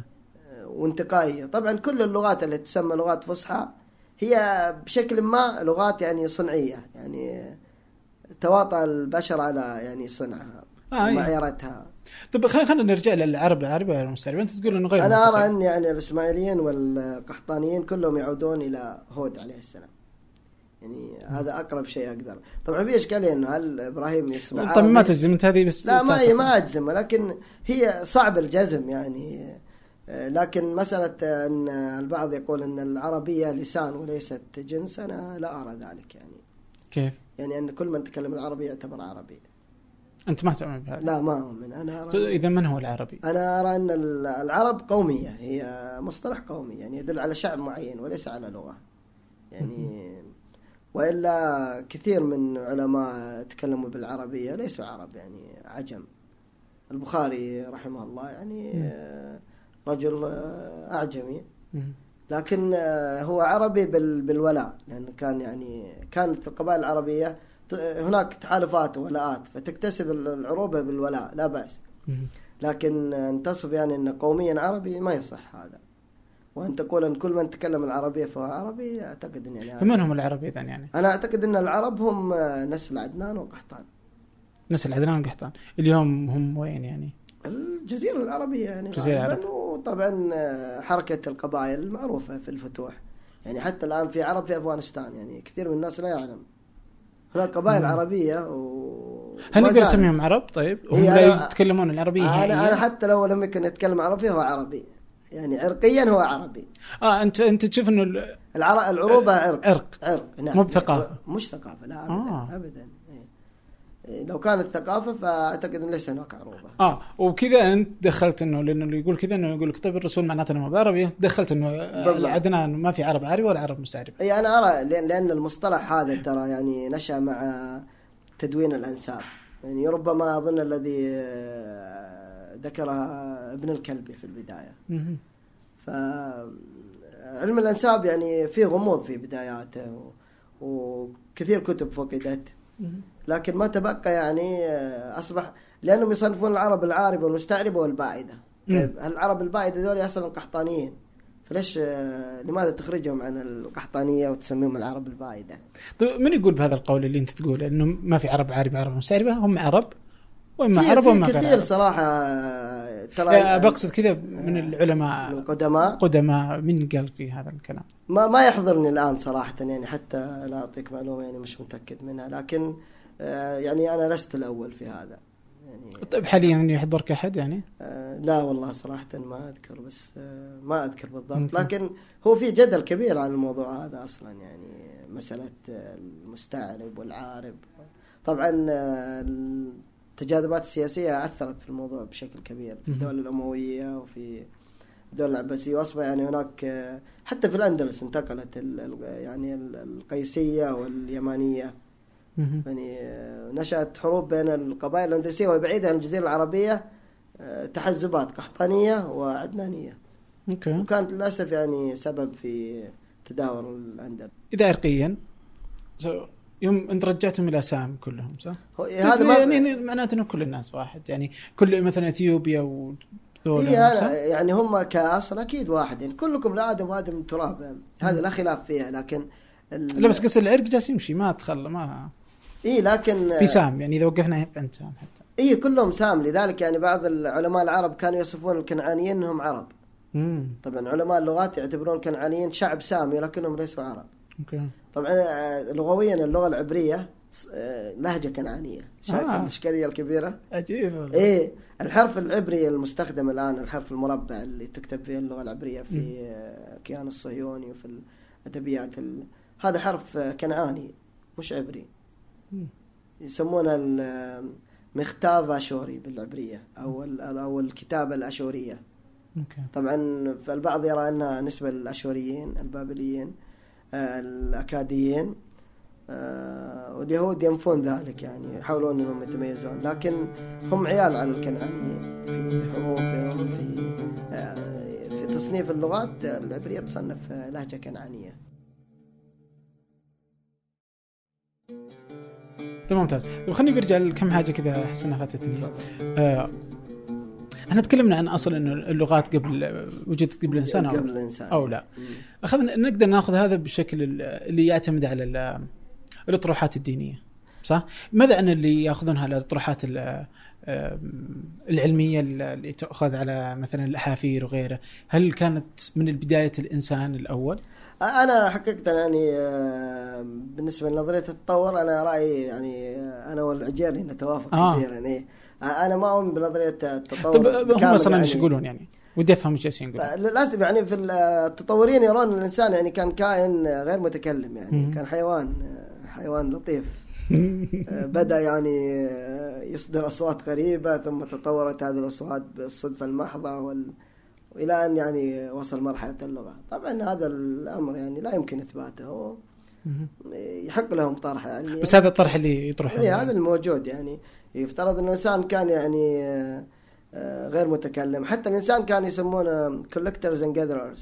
أوكي. جماعين يجمعون الأشياء. وبعدين تعلم يصيد بعدين يتعلم أنا أرى إن الإنسان أصلا خلق كامل. يعني آدم خلق ولديه يعني كافة الادوات التي يحتاجها للعيش في الأرض. يعني يعني لما أنزل إلى الأرض من الجنة. ف لكن هل وجد هناك آه، يعني مثلا إنسان نياندرتال وال أنا أرى أن هذه الشعوب كانت سابقة للبشر في الأرض لأن حتى الملائكة لما خلق الله آدم قالوا تجعل فيها من آه، نسيت لا يسفك الدماء. من ليش؟ يفسد فيها؟ أيوه يفسد فيها آه، لأن لديهم خبرة مع شعوب أخرى يعني مع الجن. طبعا في الموروث الإسلامي والإسرائيليات آه، هنالك شعبين آخرين. آه، الهن والبن. أوكي. هذول زي الجن. طبعا المعلومات عنهم أظن تنحصر في الاسم. فلا يمنع يعني إن ال- الاحافير الموجوده المخلوقات غريبة الشبيهه للإنسان انها تكون يعني خلق آخر موجود و... وانقرض. يوم أنت تقول قبل ال- الهن والجن آه، الهن والبن. والبن. وحتى الحديث عن هذه اللغات السامية واللغات وقبل وبعد وزي كذا ذكرت بكثير مما يعني في يعني اللي هو الشريف لؤي. لؤي. الشريف. آه، عنده كثير من الأطروحات حيال هذه المسألة. في بعضها اللي يرد عليها. وبعضها اللي لم يرد عليها أعطني أنت إيش تشوف آه، محاولاته في آه، الحديث حيال هذه الأمور كيف تشوفها؟ آه، يعني أنا أرى أن النقاش في ال- الأمور هذه جميل يعني جدا ممتاز. لكن لؤي في بداياته حقيقة كان يعني غلطات كبيرة جدا يعني مثلا كان يشرح الأسماء المقطعه الحروف المقطعة في القرآن باللغة العبرية السريانية يقول وكان يتكلم ويستخدم اللغة العبرية بحته مم. يعني حتى الحرف كان عبري مربع. آه، طبعا لغويا ما أرى يعني ان لؤي عنده يعني لغة العربية يعني آه، لا تساعده إنه يتكلم في أمور عميقة مثل هذه مثلا تقريرات العربية و... هي العربية. حتى العبرية وال يعني هو يتكلم العبرية الحديثة طبعا آه، لا يمكن أن تبني مقارنات مع اللغة العربية والعبرة العبريه الحديثة. مم. الكلام يكون يعني آه، المنطقة تقارن مع اللغة العبرية الكتابية القديمة. طبعا آه، معلومة يعني آه، لما أراد يهوذا بن العازر إحياء اللغة العبرية الجذور اللغوية العبرية اللي موجودة في كل الموروث العبري القديم التوراة المدراش التلمود الشروحات القصائد القديمة لم تتجاوز 3000 جذر. تخيل. بينما اللغة العربية 12000 جذر فاضطر أن يأخذ الجذور العربية. لذلك المعجم العبري الحالي آه، ثلثه على الأقل عربي. طبعا بكل وقاحة قال أن هذه الجذور أصلا جذور عبرية قديمة حفظها لنا العرب ولا شكر لهم. إيه بكل وقاحة طبعا. و... ف مسألة مقارنة المعجم العبري الحديث بالعربية هذه يعني علميا ساقطة. الأمر الآخر أن لؤي يعني كان يقرر تقرير مثلا يقول اللغة العبرية هي أم اللغة العربية. طبعا منطقيا آه، ساقط الكلام لغويا لأن اللغة العربية لغة معربة. كيف؟ فيها جر ونصب. بينما اللغة السريانية ليس فيها إعراب. فلا يعقل أن اللغة تتطور من الإعراب من لا إعراب إلى إعراب. يعني كل اللغات تتطور يلغى الإعراب. في لهجتنا العامية ألغي الإعراب لأن صعب. هذا التطور. هذا. التطور ال- المنطقي. حتى في النطق في تغيير الكلمات الناس تخرج من النطق الصعب إلى السهل. مثلا لماذا لا ننطق الضاد ضاد. أو القاف قاف ننطق قاء وضاء لأن الإنسان يميل يعني للشيء السهل. فيعني هذه الأشياء البسيطة يعني حتى الغير متخصص يستطيع أن يرد يعني بكل بساطة. وطبعا حتى السريان لم يزعموا أن اللغة العبرية السريانية هي أم اللغة العربية. للأسف من زعم ذا علماء مسلمين. طبعا زعم خاطئ لجهلهم باللغة السريانية أصلا يعني. لأن ربما كانت السريانية لديها يعني نوع من ال القداسة بحيث أن لغة عيسى عليه السلام فكان الناس يعتقدون لأنها قديمة بالنسبة لهم اعتقدوا أنها هي أصل اللغة العربية. لا الطريف أنهم يقولون آدم تكلم في الع- العربية في الجنة فلما نزل الأرض تكلم بالسريانية. يعني صار كأنه عقاب أنك تتكلم. آه، عجيب. فالإشكالية اللي كان الأخ لؤي يطرحها التفسيرات يعني كان فيها تمحل كبير. إيش تقصد؟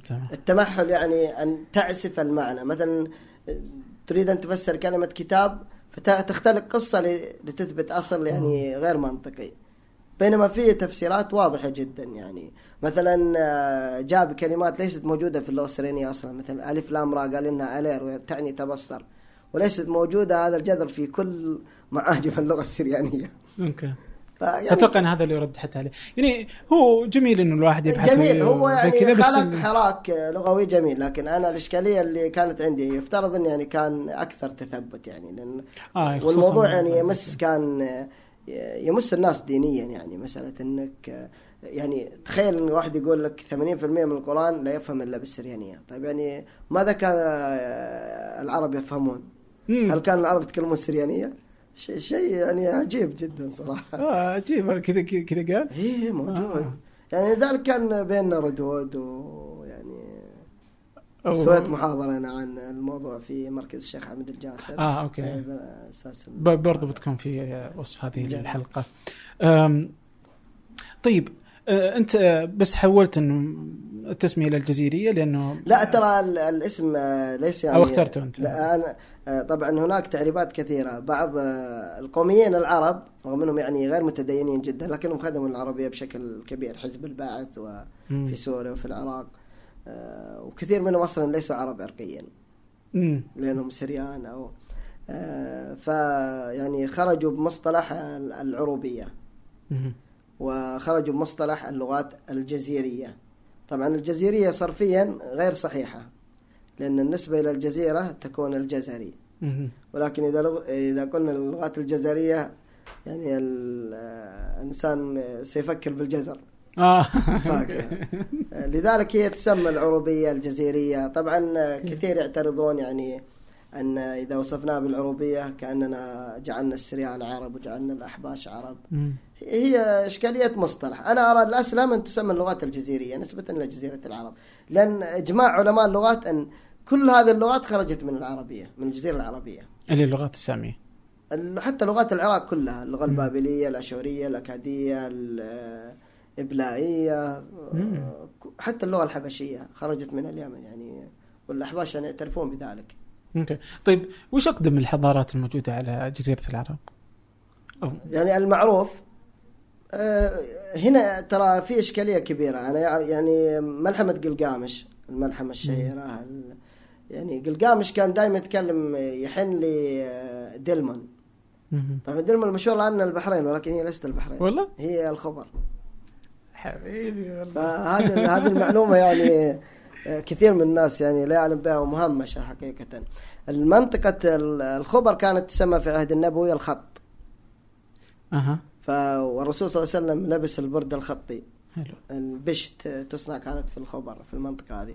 وكانت الخبر يعني تشمل منطقة يعني تقريبا من ال Half Moon إلى سيهات الآن ثم يقولون إن الخبر والدمام هي مدن صنعتها. صنع ارامكو لا الخبر آه، ك آه، يعني بلدة حديثة فعلا مم. لكنها قديمة موجودة أصلا حتى في الوثائق العثمانية كانت تجبى منها الزكاة في عام 800 هجري تم- باسم إيش كانت؟ 850 آه والله آه، ما أذكر تماما لكن مم. في كتاب صدر في آه، إسطنبول باحث عراقي أظن اسمه البياتي. آه، اختار وثائق عثمانية وترجمها بالعربية والكتاب مطبوع طابعة فخمة آه، أربع أجزاء لدي الكتاب إن شاء. الله يعني أرسل لك معلومات إيش اسمه؟ والله ناس خلاص بحطه في الوصف الله. لكن يعني في الوثائق في وثيقة موجودة جباية يعني ال- الخبر هذه. فهي المنطقة تاريخيا مم. لكن الحضارات يعني اندثرت وربما فالحضارة ال- ال- البابلية القديمة تحن دائما إلى حضارة أم في الجزيرة العربية. الفينيقيين يعني لهم وجود في الحسا تخيل. أوكي. إي ففي ترى ربط عجيب. لكن البحوث هذه صراحة ما أخذت حقها يعني وحنا مقصرين يعني ما عندنا باحثين سعوديين يعني. أنا أرى أنا حتى كل النصوص ال- البابلية المترجمة يجب إعادة ترجمتها من قبل يعني مترجمين عرب. ليش الفائدة يعني؟ لا أنا أرى يعني كثير من آه، من سيطر على الترجمة. آه، غربيين لاهوتيين متعصبين جدا يصير. ويهود كثير منهم كرامر هو يعني الحجة في في البابلية هو يهودي متعصب يعني حتى ترى أنا لا أؤمن أن هناك شعب اسمه السومري آه. أنا أرى أنه كذوبة كبيرة الشعب شلون ليه شلون طلع؟ لأن آه، في أشياء كثيرة. اللغة السومرية لغة عجيبة يعني. لغة تكاد تكون لغة آه، آلة مهم. يعني لا يعقل أن كان هناك ناس يتكلمون هذه اللغة. هي لغة إلصاقية. طبعا agglutinative languages. في لغات التركية. يعني الكلمة تغير إعرابيا ونحويا بإضافة لها. زي بالإنجليزي مثلا لما أقول آه، أعطيك فعل مثلا آه، أو اسم nation أمة. ثم national أضفت لها al أصبحت معناها يعني وطني. nationalize يوطن أو. فهي لغة إلصاقية ويعني فيها غرابة صراحة. أنا أرى أنها لغة كانت آه، آه، لغة يعني آه، كهنوتية صنعية. كانت ترى المعرفة كانت تعتبر يعني آه، محظور تابو. والكتابة كانت تعتبر يعني شيء لا يجب أن يعرفه كل الناس. لو تنظر المصريين القدماء هل كانوا أغبياء؟ كانوا عباقرة. يعني آه، لم يكن باستطاعتهم أن يخترعوا نظام كتابة أسهل كان. لكن كانت مسألة معرفة الكتابة أو فك الحرف بالعامية هي سر القوة. أوكي. power زي ما يقولون الغرب. فكان من يعرف الكتابة؟ كلهم الكهنة. يعني ما تجد إنسان في في كل الوثائق المصرية قديما آه، نادر جدا أن تجد وثيقة كتبها إنسان عادي. أوكي. كل ال- الموجود يا إما أن يكون كاهن أو ذو مركز مرموق وكانت يعني تعلم الكتابة يضمن لك مكانة في المجتمع والسيطرة على الشعوب يعني تكون عن طريق عبر هذا إيه آه. فيكون الشعب جاهل بحاجه دائما لل- للكاهن الذي يستطيع أن يكتب يستطيع أن يفهم يفكر عنك يعني. فنعود إلى الحضارة العربية في الجزيرة العربية. الحضارات كثيرة طبعا في الجزيرة العربية. طبعا حتى الأسماء المستخدمة الآن يعني أسماء اصطلاحية. ال- الحرف الموجود المسمى الثمودي. آه، هذا ال- هذه تسمية اصطلاحية. لأن من أول النصوص التي يعني فكت كان فيها ثاء ما داء.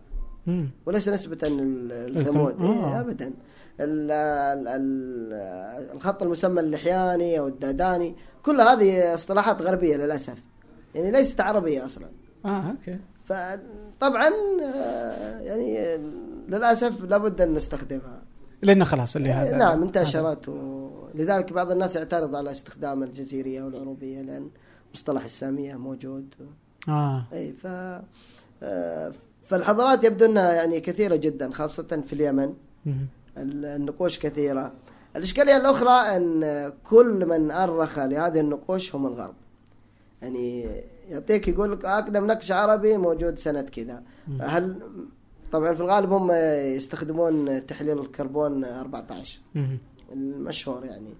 لكن آه، م- أنا ما يعني ما مر علي إنه جامعة أو مركز عربي عندهم آه، معمل يحلل الشغلات دي. ما عندنا؟ اي يعني هذه إشكالية. يعني أنا أرى أن يعني قد يعاد كتابة التاريخ. التاريخ الذي ندرسه اللغوي والحضارات هو تاريخ يعني أتانا يعني جاهز. آه مشكلة والله. وأصبحنا ن- آه، نناقشه ونبحث فيه كمسلمة أصلا. يعني ليس هناك من يشكك. وإذا شككت فأنت صاحب مؤامرة. مم. طيب ما تحس برضو اذا الحين ممكن جل كلامنا هذا ما يعني مبني على العلم العلوم الغربية اللي جت فعلا. آه، هو عموما يعني الحكمة ضالة المؤمن لا نعم. بأس يعني تستفيد لكن لكن في عندهم هذا في طبعا يعني كيف ما جو وش كانت عندهم الأشياء اللي كانوا يبغونها إيش كان الأهداف حقتهم إيه عجائب يعني ترى مثلا الحرف المسند. اليمني. يعني يعتقدون إن الغرب هم اللي فكوا المسند والمسند تكلم عنه الهمداني في كتاب الإكليل من زمن يعني اللغة المصرية القديمة يعني المشهورة إن شامبليون هو الذي فك حروفها وابن وحشية كان لديه كتاب وال- المستهام مم. في نسيت اسم مسجوع موجود الكتاب في النت يعني. آه، تكلم عن الحروف المصرية. وشامبليون يعني أنا أعتقد أنه استفاد من كتب ابن وحشية لكنه لم يذكرها يعني. أوكي. أي ف حتى في ال- يعني للأسف كثير من من المنجزات المنسوبة للغرب كان في دور عربي فيها لكن هم مش يعني إما عمدا أو أو يعني جهلا أو, أو جهلا طيب آه في شغلتين الحين هنا آه في الجنة إيش كانوا يتكلمون؟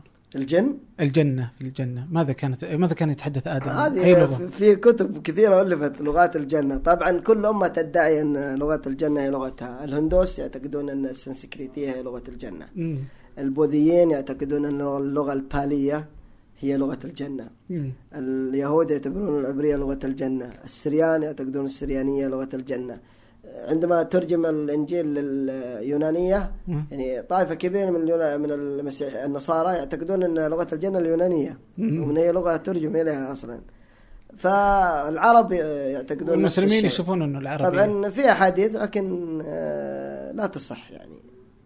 آه، تقريبا كلها أحاديث ضعيفة يعني انها العربيه يعني. أن اللغة العربية فهي يعني شيء ما حد يدري وش ما حد يدري. أنا آه. أنا وش كان آدم يتكلم؟ برضه ما حد يدري. ما ندري أنا آه. أنا أرى أن يعني أن اختلاف اللغات حدث يعني بعد تفرق البشر في الأرض. العزلة هي سبب آه، الاختلاف الكبير والزمن. آه، طبعا أحيانا آه، حاليا في السعودية مثلا. في الحجاز أنا أتكلم لأني حجازي. في وادي أحد الأودية مثلا في وادي الصفرة مثلا. كل قرية لها لهجة. حلو. تخيل شلون؟ لأن أهل القرى يكادون يكونون منعزلين في قريتهم. في مناطق في الجنوب مثلا المناطق الجبلية. آه، تهامة قحطان لهجتها مختلفة جدا عن قحطان. صح. فاللهجة نوعا ما لصيقة بالمكان. والاختلاف الكبير الذي يحدث آه، اختلاف صوتي واحيانا اختلاف معجمي يكون اختيار. يعني مم. قد يعني آه، تستخدم هذه اللفظة في مكان وت- وتعيش وقد تموت في مكان آخر. بمرور الزمن يعني يصبح التميز أكبر. الآن يحدث أمر عكسي في السعودية. إن نكاد يعني آه، ندخل مرحلة ما يسمون اللهجة البيضاء.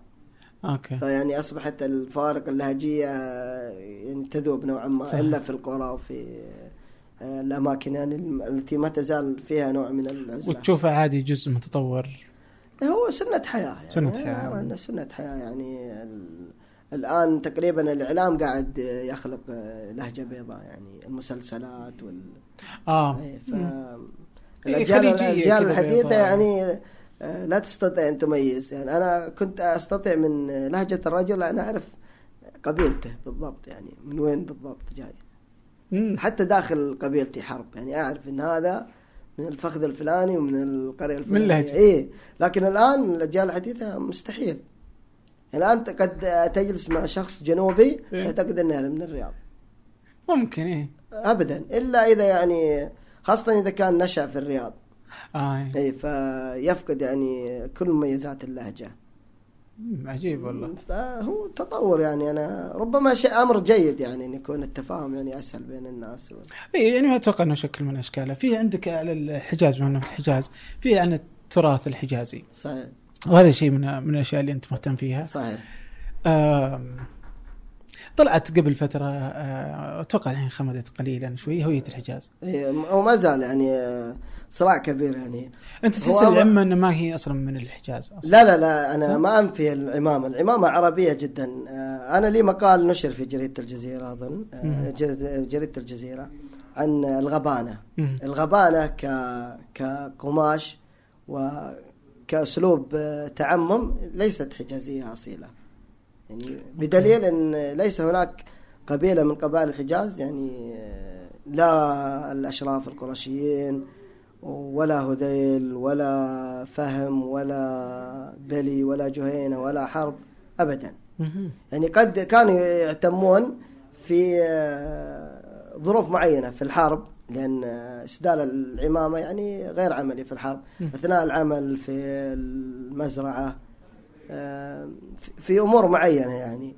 لكن في الغالب إن العرب تركوا التعمم القديم الموصوف في كتب التراث منذ قرون كبيرة. يعني من منذ قرون وشلون شكله تزع- تعمم آه، في طبعا في وصف للتعمم الرسول صلى الله عليه وسلم في آه، صحيح البخاري موجود وفي آه، كتب الفقه. يعني حتى في كتب ألفت في العمامة أما هذا اللي جاي كذا طبعا آه، يقال يعني اليوم في الحجاز. تلف أكثر من لفة وأن أحيانا تسدل يعني أطرافها على الكت... بين الكتفين. في أكثر من طريقة يعني ما كان عند العرب آه، آه، نوع معين لكن الاشكاليه ان بع- البعض يعني كان يأتي بطريقة تعمم أصلا ليست عربية أصيلة طريقة لف العمامة وينسب للرسول صلى الله عليه وسلم. وأنا كان يعني هنا تحفظي طبعا التنوع الحجازي الحجاز متسامحين رغم إن الوسم يعني أفسد بالتعصب من كلا الطرفين صراحة من يعني أبناء القبائل الحجازية ومن يعني الحاضرة بشكل عام. آه، طبعا آه، هناك تحفظ بعض آه، كثير من حاضرة الحجاز أصلا قبليين. لكن أحيانا إذا أطلقنا الحاضرة آه، يعني يكون المصطلح له فهم خاص آه، في الحجاز. فالإشكالية إنه يعني للأسف آه، سيس الوسم. آه، أصبح يعني هناك تنابز سباب شتيمة لكن الجميل في الوسم أنا أرى يعني أرى أنظر إلى ال- آه، الجزء المشرق أن يعني بعد أشياء كثيرة كانت يعني مغفلة يعني مم. أصبح الناس يعرفون فنون حجازية طبعا مغفلة آه، بشكل كبير. آه، طبعا البعض يدعي ان أهل هذه الفنون هم آه، يعني التقصير منهم. وأنا أرى إنه يعني في هذا إجحاف لأن الإعلام آه، كانت تسيطر على فئة معينة. فمثلا ما كان يخرج إلا المزمار رغم إن المزمار يعني لعبة لا يلعبها أحد من قبائل الحجاز بل عندنا يعني كان لعب المزمار من خوارم المروءة. يعني حتى عاتق البلادي في كتاب الأدب الشعبي في الحجاز تكلم يعني إنه حتى أظن أستخدم كلمة اوباش أوكي. لأن ال- المزمار غالبا تكون فيه إشكالات آه، عراك ثارات استفزاز وحتى الآن يعني حتى منع في في عهد أظن الملك فيصل والملك خالد منع في المدينة المنورة. لأن صارت حوادث قتل بس كثيرة. انه سجل الحين في آه، إيه اليونسكو على إيه هنا هنا إشكالية طبعا. وكان في تحفظ كبير على الدكتور إدريس. آه، زي- زياد أظن. إيه. إيه هي الفكرة. هنا أنا عندي الإشكالية كبيرة. هذه عقدة دونيه مست... يعني أنا لا أحتاج المتحدة تعلمني موروثي. يعني شيء سخيف جدا فعلا. بس يعني إنك تسجل أنت. إيه أنت اللي تسجل هي ما سجلت أقدر. بس يعني الآن من سجل ال- القلطة الحجازية المحاورة.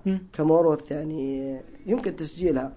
كل فن يمكن تسجيله يعني. لكن الإشكالية الكبيرة إنه ال- الحجاز فيه تنوع كبير في الفنون. يعني آه، يمكن الفن ال- الحجازي اللي انتشر بسبب يعني إنه هو له قبول الخبيتي مثلا. الخبيتي من فنون قبيلة حرب يعني خاص فيهم. حلو.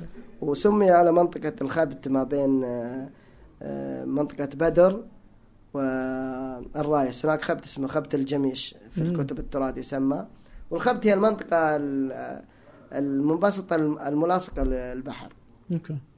لكن في النسبة آه، العرب يستثقلون النسبة الخبتي. آه. فيصغرونها. فأصبحت خبيتي. الخبيتي آه. أوكي. بالضبط. وكانوا في الينبعاوي بعد. آه، الينبعاوي الينبعاوي في ينبع يعني رغم إن الينبعاوي آه، يعني آه، في تأثيرات. مصرية وشامية كبيرة. يعني حتى أدوار كثيرة ينبعاويه ليست حجازية. مثلا آه، تجد في الينبعاوي آية قطر الساعة ستة.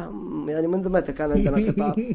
ويا بهية زوجك غايب ذبح الزغليل اليمين. فهي أدوار معروفة في صعيد مصر. لكن في أدوار ينبعوية يعني أعتقد أنها نشأت في ينبع وفن الينبعاوي له قبول كبير في الحجاز.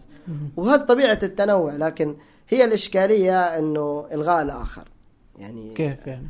يعني الإعلام ما كان يخرج البدواني فن حجازي قديم جدا ما يخرج في التلفزيون أبدا مم. آه، ربما الاستثناء الوحيد القلطة وأعتقد إن الاستثناء هذا بسبب إن أصلا الملك فيصل كان يحب القلطة. أوكي. فأعتقد لو الملك فيصل ما كان يحب القلطة كانت همشت بشكل كبير. عجيب اي ف أنا أرى إن الوسم يعني آه، بالنسبة للكثيرين أصبح متنفس يعني. كان هناك آه، كبت كبير ويعني لا يستطيع الناس التعبير عن حقهم في إبراز موروثهم. فيعني أصبحت منصات التواصل الاجتماعي فرصة إن إن الناس تتحدث إن الناس. تتكلم. الان يعني ال- اليوتيوب في قناة عجيبة أنا أعتقد إنها تستحق يعني جائزة من الدولة. مم. آه، قناة عابد البلادي. هذه القناة آه، هو عنده مكتب تسجيل حفلات. أظن الآن تجاوزوا 800 فيديو كلها أقل شيء ساعة تخيل. يعني داتا عجيبة جدا. أي فن حجازي تريد أن تشاهده ستجده هناك. عجيب والله. هي عجيبة جدا يعني. ممتاز. إيه. برضو في ال- في الوصف بإذن ف الله يعني أنا الحجازيين ترى بشكل عام ال- ال- الغثاء الذي نراه في وسم هوية الحجاز مم. من التعصب أنا أعتقد أنه الشاذ الذي يثبت تسامح الحجاز. آه، صحيح إن في الحجاز آه، قبائل وحاضر لكن في تناغم كبير حقيقة. يعني مثلا قبيله تحارب هناك تحالفات كثيرة مع قبائل مع عوائل أصلا ليست. وأحلاف موجودة وموا- ومتوارثة وأحلاف حماية وأحلاف تعاون. آه، ما كان في هذا يعني آه، التعصب المقيت. آه، الإشكالية في بعض الطرح السيء. لكن أنا أرى أن التركيز على هذا الطرح السيء جدا يعني مقيت. أنا أذكر أحدهم يعني آه، استكبر اني أنني استخدمت الوسم مرة في تغريده آه. هي يعني كيف يا أستاذ نواف؟ أنا أرى أن يعني ال- آه، ان أن تحاسبني على طرحي لا تحاسبني يعني على ما يطرح الآخرين. اي هذا إيه المفترض. بالضبط. و... ولا تحاسبني على فهمك لما اقوله يعني. في... ليس كل ما يفهم من كلامي صحيح أصلا. آه اي مو إيه، بالضرورة يعني بس يعني إنه الاستيضاح يعني يفترض انه يكون واجب. هو عموما يعني آه، الموروث أنا أرى إنه يعني فرصة كبيرة إن يعاد بعثه آه، مسألة يعني الترويج للسعودية كسياحة. يعني في كل دول العالم مثلا في كينيا موروث قبائل الماساي مر عليه تركيز آه. كبير رغم إنهم جزء ضئيل من ال- كينيا ولا يتكلمون السواحلية ولهم لغة خاصة يعني يكادون يكون يعني منعزلين لهم ليس لهم تأثير كبير طيب ما. برضو هذا إنه مزعج بالنسبة للكثير يعني إنه استخدام كذا ال- ال- الموروث يعني الموروثات والأشياء كذا. ما عندنا شيء جديد. لا لا للتسويق آه، سياحيا ولا لكسب المال وزي كذا neoliberal و...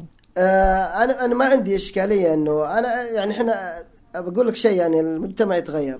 يعني زي حلقة مثلا تذكرت إيه. الحين ماجد الدوحان اللي تكلم اي اي. ماجد فكان يتكلم برضو زي كذا إنه كان يزعج انه آه، أهل الجنوب اللي هي ال- إيه، الوردة المدري إيش الوزره يعني تنميط آه، تنميط إنه زي كذا تصوره وتحط عشان الناس تجي تتفرج عليه وتصوره يعني. هي هو ربما يعني حتى ال- ال- العرب طبيعتهم لا يقبلون هذا أصلا. مم. لكن ما يمنع يعني إنه يكون آه، يعني إبراز للموروث. يعني. بشكل طبيعي ما هو بشكل. أنا ضد ال- الرأسمالية. يعني أعتبر الرأسمالية فكرة مقيتة جدا يعني. فتلت يعني كل شيء في في الكوكب. والله لا لا. اي أنا صراحة ارى أن يعني إنها من أوبئة العالم الحالية. آه، آه، عفوا. في الحجاز مثلا كان عندنا عيب إن الشاعر ياخذ فلوس إذا حضر. إحنا. نسميها محاورة في الحجاز يعني أكثر من استخدام قلطة أو مبادع كان عيب. يعني إلى سنوات يعني ثم يعني استمروا الموضوع وخرجت يعني أظن في البداية في الطائف مكاتب تأجير الشعراء وأصبحت يعني آه، تجارة. لكن للأسف آه، مستوى المحاورة قل. يعني كانت المحاورة قليل جدا أن تسمع فيها سباب شتم القبائل. آه، كان ال- المحاورة يعني تقوم على دفن المعنى. ولم يكن أي شخص يستطيع أن يفهم المحاورة. كانت نخبوية.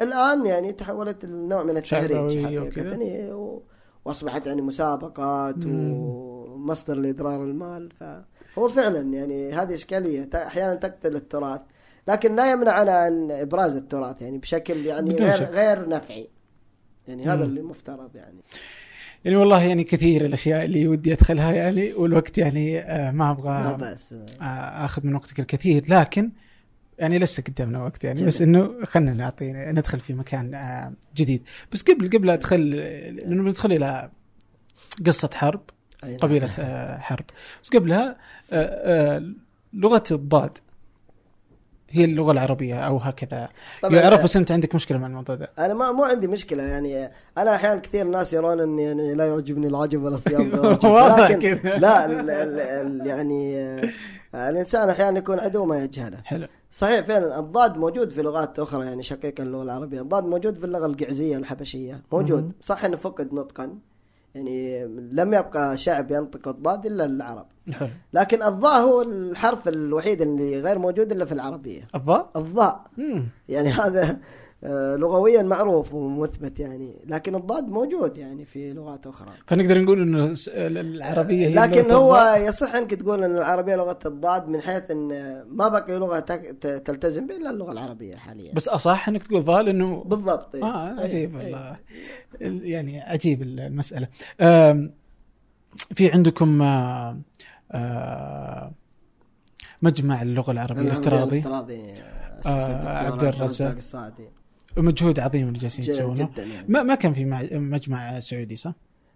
ولا زال. لي- ليس ما في لا. للأسف يعني. إلا هذا الافتراضي. آه، في المجمع مركز المصري عبد والأردني. العزيز لخدمة اللغة العربية. مم. طبعا في مجامع أكثر من تقريبا من 17 مجمع. حتى الكيان الصهيوني عنده مجمع للغه العربية. تخيل.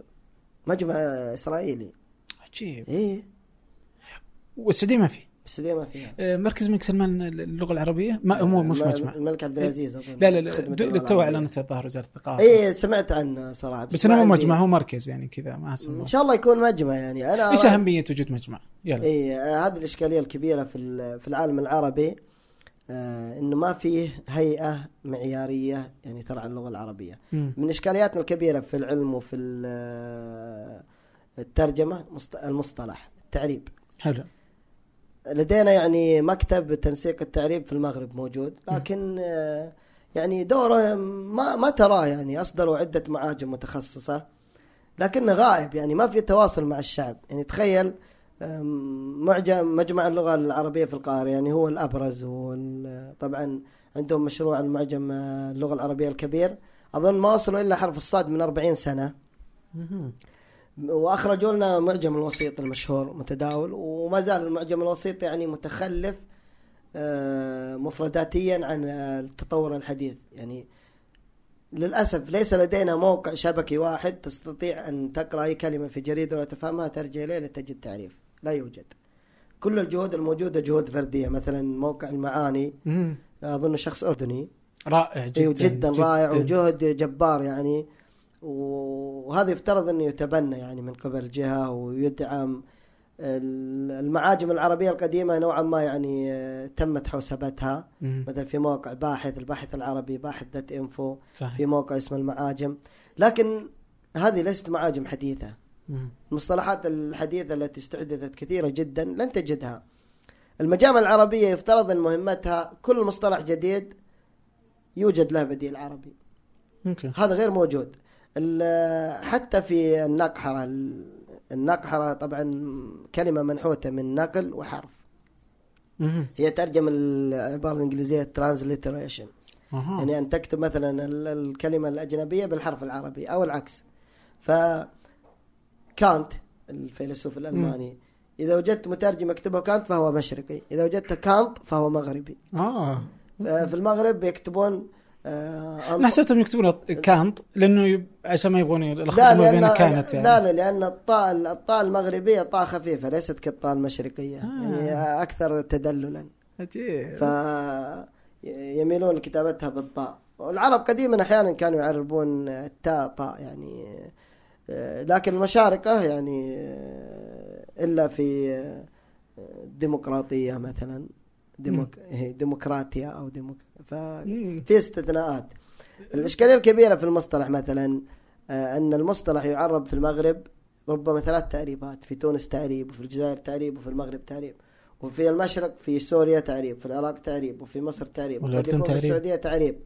مم. فحتى وانت تبحث عن المعلومة تكون يعني في حيص بيص إي لا والله تستطيع يعني أن أن تحصل على معلومة. هذا الأمر الس- يفترض أن يكون هناك مجمع في في السعودية مم. أنا تعصب حجازي لكن في الحجاز لأن مهد اللغة الفصحى. يفترض أن يكون هناك في منطقة يعني محايدة يعني مثلا البعض يعتقد إذا وضع في مكة أن نصارى العرب لا يستطيعون يعني الحضور فيكون آه. يوضع في منطقة خارج حدود الحرم اول مدينه أو أو المدينة خارج حدود الحرم لأن المدينة بعد في إشكالية ثانية آه. أنا أرى أن يعني هذا اولا يعني آه، سياسيا مكسب كبير للمملكة العربية السعودية ثانيا ال- كل العالم العربي يعني يحب المنطقة المنطقة مم. المقدسة مكة والمدينة. سيكون هناك تنسيق يعني كبير. ويفترض أن يعني يركز الم- المجمع على التعريب المصطلحات الجديدة. أن يكون هناك تواصل مع الناس. معجم معظم المجامع العربية الأعضاء أعمارهم من السبعين فما فوق. وهم يعني بذلوا جهد كبير ويشكرون عليه. لكن آه، مثل هذه المشاريع لابد من إشراك الدماء الشابة مم. وحتى طريقة جمع المعلومات اللي جالس يسوونها في حساب بالضبط. طبعا آه، مو مع. ذلك آه، المجمع الافتراضي محارب بشكل كبير من من؟ آه، هناك يعني جناح يعتقد إن اللغة العربية يفترض إنها تكون يعني جامدة ان لا نغير فيها إن لا نبدل يرون إن الجهد هذا جهد يعني يروج للعامية رغم إنه غير صحيح يعني هنا هذه إشكالية مثلا المجمع في حساب أنا اديره تابع له اسمه تعريب. إيه. يعني حاولنا يعني نخرج بمصطلحات جديدة. الجميل في أن هناك يعني أكثر من سبعين ألف متابع من الخليج إلى المحيط. بل من آه، عربستان في بلاد فارس. إلى يعني المغرب العربي. أعضاء من كل مكان. شيء عجيب يعني. العجيب إنه اكتشفنا إنه في تشابه بين اللهجات الحجازية واللهجات المغاربية بشكل يعني جدا عجيب. هو مفهوم لأن معظم القبائل التي هاجرت كانت حجازية. حلو. بني هلال سليم. يعني منطقي. منطقي. إنه يكون آه. في تقارب. آه، لكن في حساب تعريب يعني المشاركات كبيرة. هنالك يعني آه، دكاترة هناك متخصصين لغويون مترجمون آه، أهل شغف باللغة. لكنها لا تزال برضو جهود بالضبط. فردية. فردية وليست وما- اعلاميا. المصطلح لا ينجح إلا إذا استخدم. إذا دعم الإعلام استخدم الإعلام سينجح.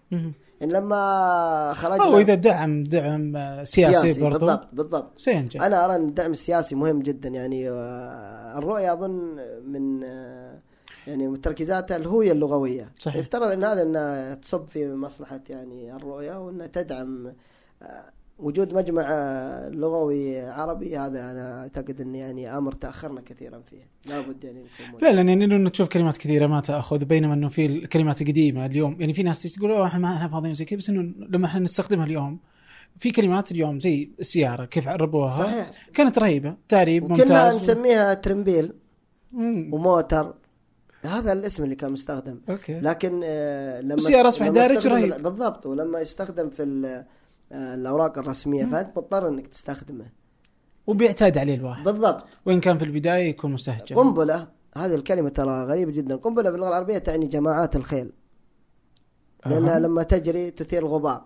فلما يعني خرجت كلمة بوم الإنجليزية ووصفها آه، أظن مصري يعني آه، كان عنده يعني آه، تفكير خارج الصندوق. رهيب والله. إيه فسماها قنبلة ونجحت سبحان الله. يعني كثير من الناس لا يعرف معنى أصل معنى قنبلة.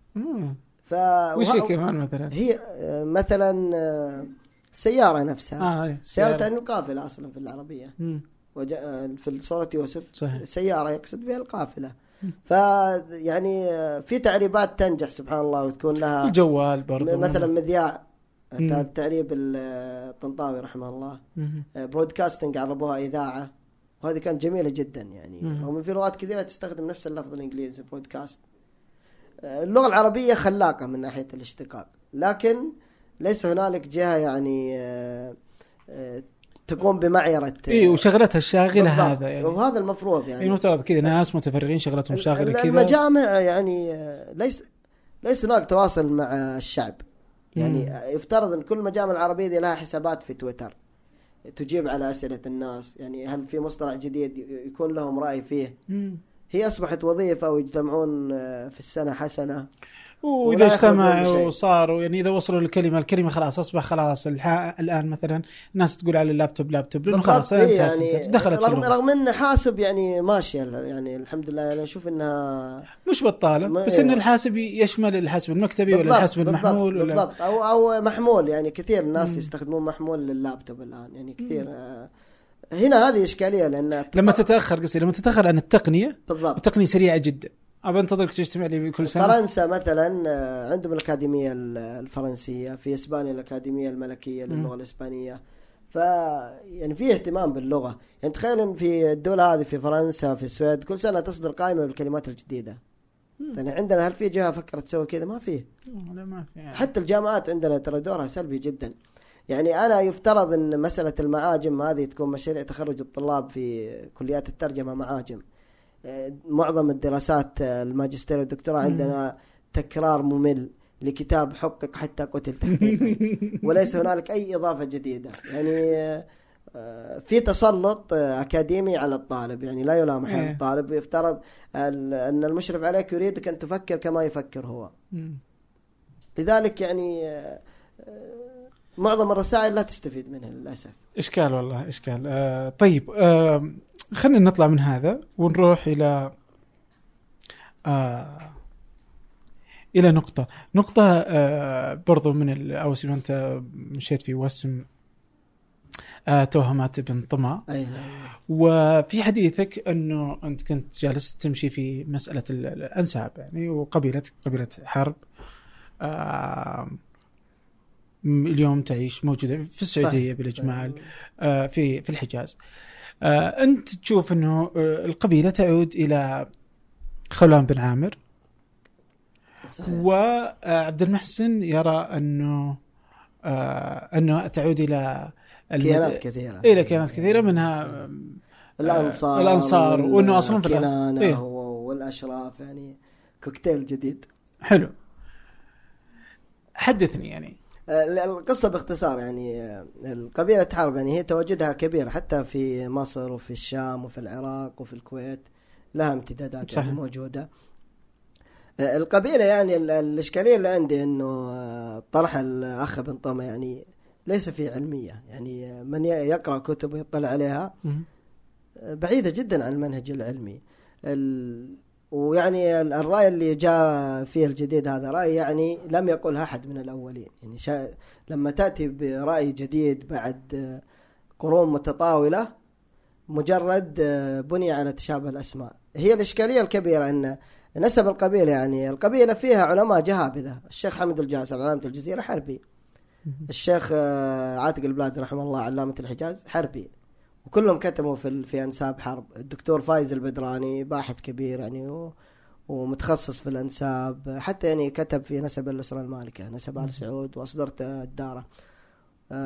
محمد بن فهد السهلي باحث كبير جدا يعني في آه، مسألة الأنساب وتاريخ الحجاز. والعلماء المتقدمين الهجري والبلخي والهمداني وغيرهم يعني ذكروا حتى ارتحال القبيلة من ديارها في بلاد خولان إلى الحجاز يعني في سنة 131 هجري بسبب حرب قامت بين حرب وبنو عمومتهم بنو الربيعة بسبب مقتل رجل. وصارت حرب كبيرة فنزحت حرب واستقرت في الحجاز. وخلال ثلاث قرون تقريبا سيطرت على قلب الحجاز يعني مش. في البداية. طبعا الهمداني فصل في انساب حرب وعاش يعني زارهم وفي ديارهم والتقى بمشايخ من حرب. يعني من يطلع على ما كتب الهمداني وغيره يرى يعني آه، وقائع حقائق. آه، الشيخ حمد الجاسر والشيخ عاتق البلادي والدكتور فايز حققوا النسب القبيل يعني بشكل يعني ثبوت بالنص. طبعا الإشكالية في علم النسب آه، عندما تتكلم في علم النسب لابد أن تضبط قواعد علم النسب. القاعدة الشهيرة في النسب شرعا وفقها وعرفا الشهرة والاستفاضة. يعني إذا قالوا لي عبد الرحمن أبو مالح قحطاني وهذا المستفيض والمشتري عند الناس لا يفترض أن يجيك واحد يقول لا أنت لست قحطاني أثبت لي أنك قحطاني. يعني ه- هذا أصل الأنساب.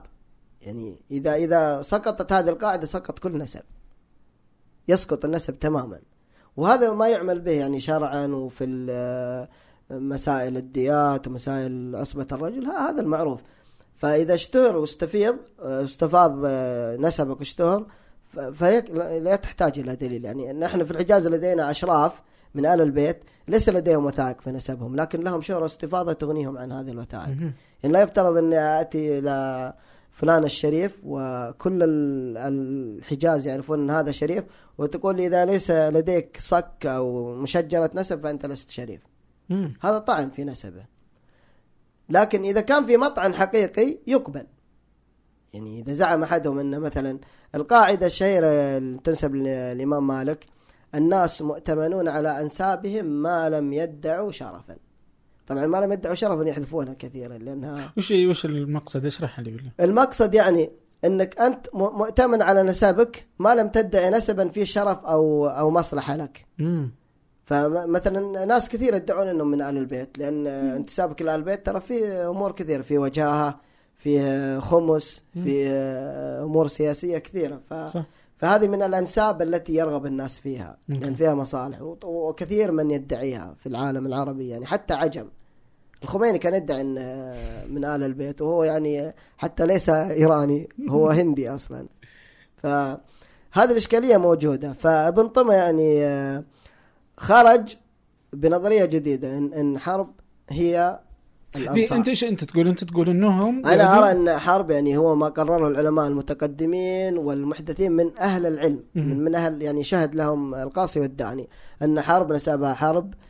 ابن سعد ابن سعد الأكبر آه، ابن خولان ابن عامر ابن الحاف إلى أن يصل يعني إلى قحطان النسب المعروف آه،. هذا النسب العالي وعموما ال- القبائل هم من اليمن وهاجروا إلى نعم الحجاز هم خرجوا من آه، بلاد خولان مم. في آه، يعني آه، وسط القرن الثاني الهجري استقروا في الحجاز ويعني وما زالوا يعني امتدوا في نجد لكن ما زالت يعني ديارهم حجازية كثيرة. ممتاز فهذا هذا القول طمع اللي خرج بقول يعني جديد لم يقل به أحد قبله، يعني هنا الإشكالية الكبيرة يعني طمع نظر إلى أسماء أفخاذ حرب مثلا مم. العمري طبعا الحرب في حرب فيها قبيلتين العمري مم. قبيلة مسروحية أنتسب لها وقبيلة سالمية للف... للجذم الرئيس من حرب حرب سالم ومسروح.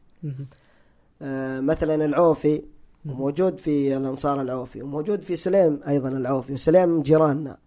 فلو. نتبع المبدأ ال- تشابه الأسماء يعني أقدر أستطيع أن أنسب حرب إلى أي قبيلة. أستطيع أن أقول أن حرب سلمية أستطيع أن أقول أن عوف الحربية سلمية أو عوف الحربية آه أنصارية. علماء النسب طبعا لديهم قاعدة شهيرة يعني لأن هذه الإشكالية ليست حديثة. يعني يقولون آه، تشابه الأسماء مدعاة للخلط في الأنساب. هذه قاعدة مقررة في علم النسب قديمة جدا يعني. كل مهتم مشتغل بعلم النسب يعلمها. فعلا لأن تشابه الأسماء يدعو للخلط يعني.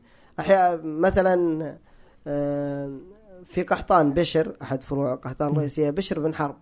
فتجد من يقول أوه بشر أصلا ليست قحطانية حربية وانضمت القحطان بكل بساطة يعني. يقرر نسب جديد.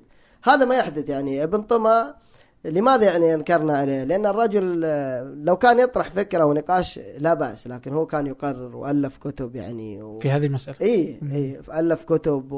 والكتب يعني حقيقة ركيكة جدا يعني آه، مليئة بالأخطاء الاملائيه ما... إخراج سيء و... وتركيب الكتب ركيك جدا. و... وليس هنالك حجة يعني. هو يعتمد على وثيقة التي يسمونها وثيقة المدينة. طبعا الوثيقة آه، تسمى وثيقة موادعة اليهود أصلا. ولم يثبت آه، يعني سندها للرسول بشكل صحيح. الألباني يعني تكلم فيها و... لكن هي موجودة. وتذكر آه، أسماء أفخاذ الأوس والخزرج وليست كل الأسماء كل الأفخاذ المعروفة. ف يعني قام بإسقاط الأسماء. كل فخذ حربي يجد له شبيه بالفخذ أنصاري قال هؤلاء هم هؤلاء. أحيانا آه، يرى أنهم في نفس المنطقة. طبعا هو عنده إشكالية مثلا عوف آه، لم تكن تسكن في المدينة. عوف في ديارها في جبال عوف قريبة من المدينة. آه، لما بدأت قبائل الحرب يعني تسكن المدينة آه، سكنت عوف في منطقة آه، قباء وما حولها. ف هو يعتقد إن عوف الأنصارية كانت يعني في نفس المكان. يغيب عن باله إنه قبل مئة سنة وفي كتاب يعني مشهور وموجود الذي كان يسكن في هذه المنطقة بني السفر من حرب. فخذ آخر ليس عوف. تخيل. طبعا بينا لها أشياء كثيرة ولكن الرجل يعني لديه نوع ما يعني انتصار للرأي. ويعني أصبح يروج للفكرة بين الناس وأصبح الناس يعتقدون أن نحن أنصار. والنسب الانصاري يعني نسب شريف. يعني هو بعد نسب قريش. ولو كنا يعني أهل آه، آه، يعني باحثين عن وجاهة أو مصالح لا, لا صفقنا له وطبلنا وقلنا نعم. آه، لا ال- العجيب إن آه، من يؤيده أصبحوا يعني يطعنون في اليمن وكأن اليمن مذمة. ونسوا أن الأنصار يمنيون أصلا. يعني تناقض عجيب وجهل مركب. آه، الشيء الآخر كل نسابه الأنصار. طبعا الأنصار فيهم نسابة كبار. المطري أنصاري. آه، عبد الرحمن الأنصاري من من أهل المدينة وكتب كتاب مشهور يعني هو حجة في أنساب العوائل الحضرية في المدينة اسمه تحفة الأحباب. يسميها المدينة القرمية. وذكر العوائل في المدينة حتى العوائل التي أصلا ليس عربي ذكرهم وكل عائلة من أين أتت أصلا. وذكر يعني عائلة حربية الثابتي فرع من حرب. وذكر إنهم من حرب ولم يقل إنهم أنصار. يعني لا يعقل إنه لا يعرف ابناء عمومته الشيء الآخر كل نسابه الأنصار الخزرجي المطري آه لم يذكروا أن قبيلة حرب هي امتداد للأنصار. ولا يعقل ان حرب لو كانت امتداد للأنصار أن ننسى هذا النسب الشريف صح. ونستبدله باسم حرب. وللتو اي لا اكتشفتوه يعقل لا يعقل. يعني الأشراف لماذا لم ينسوا اسمهم؟ يعني هذا لا يعقل، الشيء الآخر الحديث كان صريح. يكثر الناس ويقل الأنصار حتى يصبحوا كالملح في الطعام. آه وقبل- كثير اي وقبيلة حرب قبيلة كبيرة جدا. يعني يكفيك معلومة يعني آه، قبائل الحرب القبائل التي لها شيخ. 286 قبيلة. تخيل. أوكي. 286 قبيلة. هذه كل قبيلة يعني أقل قبيلة تعدادها 3000 2000 ولهم شيخ. فما يعقل أن هذه القبائل الكبيرة طبعا نظرية ابن طمى يعني القبائل العربية لا تتشكل بالطريقة اللي يتكلم عنها. يعني كيانات يعني حتى المصطلحات يعني لا يستخدمها أهل النسب كنانة قريش سليم الأنصار الأشراف مذحج يعني جمع أكثر من سبع قبائل وفي بوتقة وسبحان الله نسوا كل أسمائهم واختاروا اسم حرب. يعني فاليوم اللي- يميلون إلى ال- إلى هذا القول اللي مشى فيه أي- أي- بن طمع. أي- هو إنه هذا الشرف اللي للأنصار وهذه أي النزعة؟ أتوقع كثير من؟ الناس يعني النزعة والنزعة الأخرى يعني آه، إنه في صورة نمطية يعني آه، للأسف غبية يعني تنظر لليمن نظرة دونية. ما أدري هذه غبية جدا هي جدا لكنها موجودة العرب للأسف موجودة يعني فاهم. يعني حتى هم عندهم جهل مطبق يعني يعني للأسف طعن في عقيدة الهمداني الهمداني سني معروف. فادعى انه زيدي شيعي آه، الشيخ الأكوع صحيح إنه من عائلة زيدية لكنه على مذهب أهل السنة. محقق ال... يعني طعن فيهم طعنات غريبة جدا رغم ان ابن باز يعني كان ممن زكى الأكوع. ففي تناقض ال- العجيب جدا إنه يعني علماء كبار الحافظ ابن حجر نقل عن الهمداني. أوكي. الهمداني عالم عجيب جدا في ال... طبعا له كتاب اسمه الجوهرتان في المعادن. تكلم في الآثار في اللغات. موسوعة كبيرة يعني. أنا أعتقد أن الهمداني لو كان في أمة أخرى يعني لصنعوا له تمثال. لكن سبحان الله أصبح الهمداني لأن حجرة عثر حجرة عثرة في طريق آه، الوجاهة ال- ال- ال- التي يبحثون عنها يعني أصبحوا يطعنون به بكل وسيلة.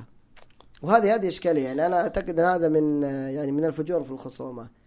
لأن بغض النظر عن مذهب الشخص أكبر علماء النسب ورأس النسابين في العرب شيعي ابن. الكلبي. كانوا. علماء الحديث إنه يقول شيعي محترق محترق يعني متعصب. ولكنه رأس في الأنساب. وهذا قمة الإنصاف يعني. مذهب الإنسان ليس له علاقة بعلمه. ويفترض أنه وفي النهاية يعني ال- ال- العرب آه، آه، مسألة الأنساب يعني. أولا النسب لا يدخل الجنة ولا يخرج من النار يعني. ولله الحمد يعني لا أتكلم في المسألة يعني مسألة تعصب ولكن أنا أرى أن يعني مسألة ظهور الرويبضات في شبكة التواصل الاجتماعي والتلبيس على الناس يجب أن يرد عليها. ولا يعني في النهاية لن أسأل إذا مت أنا خولاني أو عدناني أو قرشي في أو عربي حتى. إيه أنت ست- ستحاسب على عملك. لكن الإشكالية يعني آه، أن يروج لمثل هذه الأفكار وتطرح بطريقة غير علمية رغم أن جهابذة العلم منذ القدم يعني كلهم متفقون على هذا النسب. فكيف يعني نخرج الآن حتى رد عليهم آه، ابن الشيخ حماد الأنصاري. هو يعني آه، معروف نسبهم. صحيح أنهم كانوا في مالي ولكن رجعوا الجزيرة العربية ولكن نسبهم يعني لم يطعن فيها أحد. يعني شنوا عليه حملة غريبة. وهنا هذه هذه الإشكالية الكبيرة. يعني العلم إما أن يكون لديك دليل فيقبل يعني. أنا لا- لا ليس عندي مانع. حتى لو ثبت أن ح- حرب ليست عربية لن أوكي لكن أن تتكلم يعني مجرد آه، تتبع لتشابه الأسماء هذا يعني أمر آه، جدا غريب لأن أنا قد أجد هندي اسمه القرشي وقد يأتي للسعودية ويتجنس وبعد آه، ستة أجيال سيكون هناك قبيلة اسمها القرشي. سيأتي أحدهم يقول أنا من قريش آه غير إيه منطقي مم. وأنا أسكن في مكة يعني هذا المنطق عجيب لأن الأنساب لا تؤخذ بهذه الطريقة مم. وهذا يعني أنا حتى طلبوا مني كثير أن يكون بيننا مناظرة لكن آه، تهرب كثيرا يعني انت ولا هو؟ لا أنا يعني مستعد أن أناظر في أي وقت آه. لأن الحق أبلج okay و- ولا ولا يهمني يعني هي ليست مسألة انتصار للذات ولكن انتصار. بيان للحق يا أخي في النهاية أن نسبك لن يدخلك الجنة ولن يخرجك من النار. لكن الحق حقا يتبع بدون أدنى شك يعني هو المشكلة آه، حقيقه كذا الاستنقاص أصلا من اليمن يعني خصوصا في هذه هذه المساله جدا.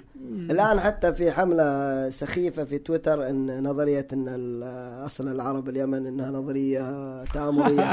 هذه النظرية قديمة جدا وحتى لو لم تصح يعني تدري إيش الإشكالية؟ إيش؟ أن معظم هؤلاء الذين يتكلمون لا يعلمون أن الحوثي أصلا ليس يمني وأن الحوثي شريف. مم. وأنه أصلا يعني ليس خولاني. okay. يعني هم كمية من الجهل المركب. ما إيه ما أفهم. يعني بعض الأشياء اللي ما أفهم شلون تجي. بعضهم بس كذا إنه يبغى يقولها ويبغى يمشي فيها. بعض المرات تجيب retweet في فيمشي في المسألة ومن ثم للأسف. ما يقدر يتراجع. يعني بعضها أحيانا انتصار للذات أحيانا مجرد يعني بعضها تعرف. اي بعضها للشهرة وبعضها لأنه خطأ وبعدين استمر. ما, ما أدري والله. لكن ال- الحق حق يعني والعرب يعني وأهل اليمن هم اليمن يعني بلد ما- حضارات والرسول يعني آه، من الرسول صلى الله عليه وسلم يعني شاهد لليمن فكل شهادة غير شهادته لا قيمة لها. الرسول صلى صلى الله عليه وسلم قال اليمن يمان الحكمة يمانية والإيمان يماني والخير من اليمن ف... ف... فهو فهو هذا يعني هو جزيرة العرب ما هي والأنصار يمانيون ومتى أصبحت يعني ما هي إلا مسألة قريبة لمسألة. تحديد الحدود يعني يعني القوميات هذه إيه. فكرة حديثة حديثة س- صحيح عشرات السنوات فعلاً. ما يعني فعلاً. فعلاً. أصبح الفرق ما بين السعودية واليمن ففي الأخير يعني ما ما في ذاك الفرق الذي يعد يعني في في مسألة الأفضل. والأق- والاسوء يعني بالفعل آه لكن وش هو الخط الفاصل ما بين البحث خلف الانساب و- التعصب. والتعصب والعنصرية. إي أنا أرى أن هنا الإشكالية. الأنساب علم جليل. يعني أبو بكر رضي الله عنه كان نساب أعلمكم بالنسب آه لما حسان أراد أن يهجو قريش قال الرسول صلى الله عليه وسلم كيف تهجوني وأنا فيهم؟ قال اسلكم منهم كما تسل الشعر من العجين. وجلس مع أبو بكر حتى يعرف يعني أفخاذهم وتفصيلات الدقيقة. يعني حتى المبدأ أنه يرجع لأهل العلم. النسب علم شريف أصلا هو علم وما خلق آه، إن خلقناكم شعوبا قبائل لتعارفوا. فالنسب هو وسيلة للتعارف وسيلة يعني لحفظ النسل وسيلة للتعاون ال- الإيجابي. ال- وأنا أرى أن التعصب ليس جزء من الأنساب. آه، الشيخ أبو بكر بكر أبو زيد آه، الله يرحمه ألف في الأنساب. عنده كتاب عجيب آه، أظن معجم النسابين أو آه، نسيت العنوان تقريبا معجم النسابين. فهو علم جليل. أصلا من الإيمان أن تعرف نسب الرسول صلى الله عليه وسلم. يجب أن تعرف هذا. النسب. لو, لو, لو لم يكن للنسب قيمة يعني ما ما أهتم فيه. الأمر الآخر أن الإنسان الذي يعني لا يعرف اصله لا يلام أيضا. مهم. هذه اشكاليه لأن الانسان كل إنسان له أصل. لكن الأصل قد يضيع لأسباب كثيرة. أحيانا أسباب سياسية أحيانا أسباب اجتماعية.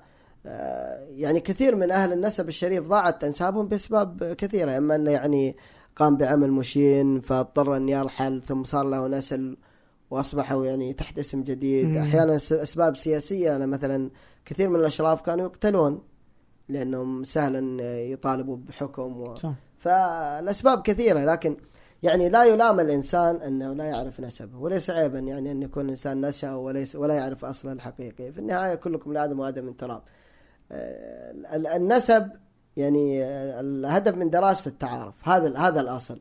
أن متى تصبح عنصرية؟ أنا آه، تصبح عنصري إذا كان إذا تحول النسب إلى انتقاص للآخر. آه. إذا أردت يعني أن تثبت آه أن- أن قبيلتي أفضل من قبيلتكم أننا قبيلة التي لا تهزم. وهذا أمر يعني هو أمر موجود في البشر. الرسول صلى الله عليه وسلم يقول أربعة من فيما معناه من أمور الجاهلية لا تزال في أمتي إلى قيام الساعة. آه، التفاخر بالأحساب والطعن في الأنساب والنياحة على الميت والاستسقاء بالنجوم. وفعلا كلها موجودة يعني الآن. هي هذه الإشكالية. طبعا العلماء الفقه أصلوا لعلم النسب وعلم النسب يعني ما بحث علم التاريخ ترى وليد علم النسب. مهم. الأصل في علم التاريخ أنه علم نسب. آدم وكيف خلق آدم. حتى في التوراة يعني الإنجيل كل الأناجيل تبدأ بنسب للمسيح. طبعا هم يعتقدون ابن الله لكن يعطونك نسب إلى يحيى النجار. ف... فالنسب يعني موجود حتى عند الغرب ترى وفيه اهتمام كبير طبعا يسمونه جينولوجي علم ال- النسب في الغرب. لكن لدينا للأسف إنه فيه يعني آه، نفس آه، عنصري يفسد هذا العلم. أوكي. طيب على التفاضل هذه آه، بختم بما بدأنا فيه اللغات. جميل. آه أن اللغات أفضل من الأخرى. آه آه، في قول برضو في آخر فيديو نشرناه في ثمانية كان لحمد الشمري فكان يقول أنه جميل. آه لغتي العربية آه لغة آه أمي جميلة وكل الأمهات جميلات. فكل اللغات ممتازات طبعا يعني. ولا تفاضل بين علماء اللغات اللغويات يرون أن ليس هنالك تفاضل لكن آه هي الإشكالية في آه، معيار التفاضل مم. ما هو المعيار يعني هل في قدرة اللغة على التعبير كل اللغات قادرة على التعبير قد يعني تستغرق لغة كلمات أكثر للتعبير عن فكرة مم. ولغات تكون أكثر اختصارا آه، هنا هذه الإشكالية يعني في النهاية أنا أرى أن اللغات يعني متساوية أوكي. بدليل أن الوحي نزل على كل رسول بلغته. فلو كان يعني هناك لغة فضلى يعني كان الوحي ينزل بلغة واحدة آه، ويعرفها كل البشر. في النهاية اللغة هي وسيلة تواصل. مسألة آه، التفاضل هو نوع من العنصرية أصلا. أوكي. آه، التفاضل نوع من العنصرية. طبعا هناك لغات يعني تعتبر حتى العلماء كانوا يعني يقولون هذه اللهجة مثلا عامية ساقطة لغة ساقطة لغة وحشية. هي تصنيفات لكن آه، هل هنالك معيار ثابت متفق عليه للتفاضل اللغات؟ لا يوجد. مم. يعني يعني وجد انت تقول أن نتكلم. أنت تقول مثلا اللغة الإنجليزية إنها لغة القمامة هي أنا أسميها لغة قمامية القمامه من حيث المبدأ إنها لغة تجميع. آه. يعني ال- ال- المعجم الإنجليزي أكثر من 70% ليس إنجليزي. آه okay. يعني اللغات ال- ال- الكلمات الجرمانية الأصيلة في اللغة الإنجليزية أظن لا تتجاوز 300 كلمة. مهم. مثلا tooth teeth التي تجمع جمع غريب child children هذه كلمات جرمانية قديمة. لكن في الغالب كل كلمة تجمع بالحرف s أصلها لاتيني. أما أخذوها عن طريق الفرنسية النورماندية أو عن طريق اللاتينية okay. أو من لغات أخرى. آه، لذلك يعني هي لغة قمامية من حيث أنها لغة تجميع. يعني لكن لا ينقص من شانها شيء. لا هي أنا هذا مجرد يعني مماحكه لمحبي الانجليزيه طيب آه الله يعطيك العافية شكرا. جزيلا آه لك يعني ولوقتك ولجهدك ولما تصنع يعني. آه حسابك حساب جديد حساباتك ما أدري إيش للأسف يعني حاولت ابحث لا زلت موجود. موجود. حسابك على شبكات التواصل الاجتماعي بتكون بإذن الله في وصف الحلقة وكل ما تحدثنا فيه آه، سيكون آه، في وصف الحلقة. شكرا جزيلا. شكرا لكم. الحلقة كانت رائعة جدا. فنجان هو أحد منتجات شركة ثمانية للنشر. ننشر كل منتجاتنا بحب في مدينة الرياض. الأسبوع المقبل ألقاكم.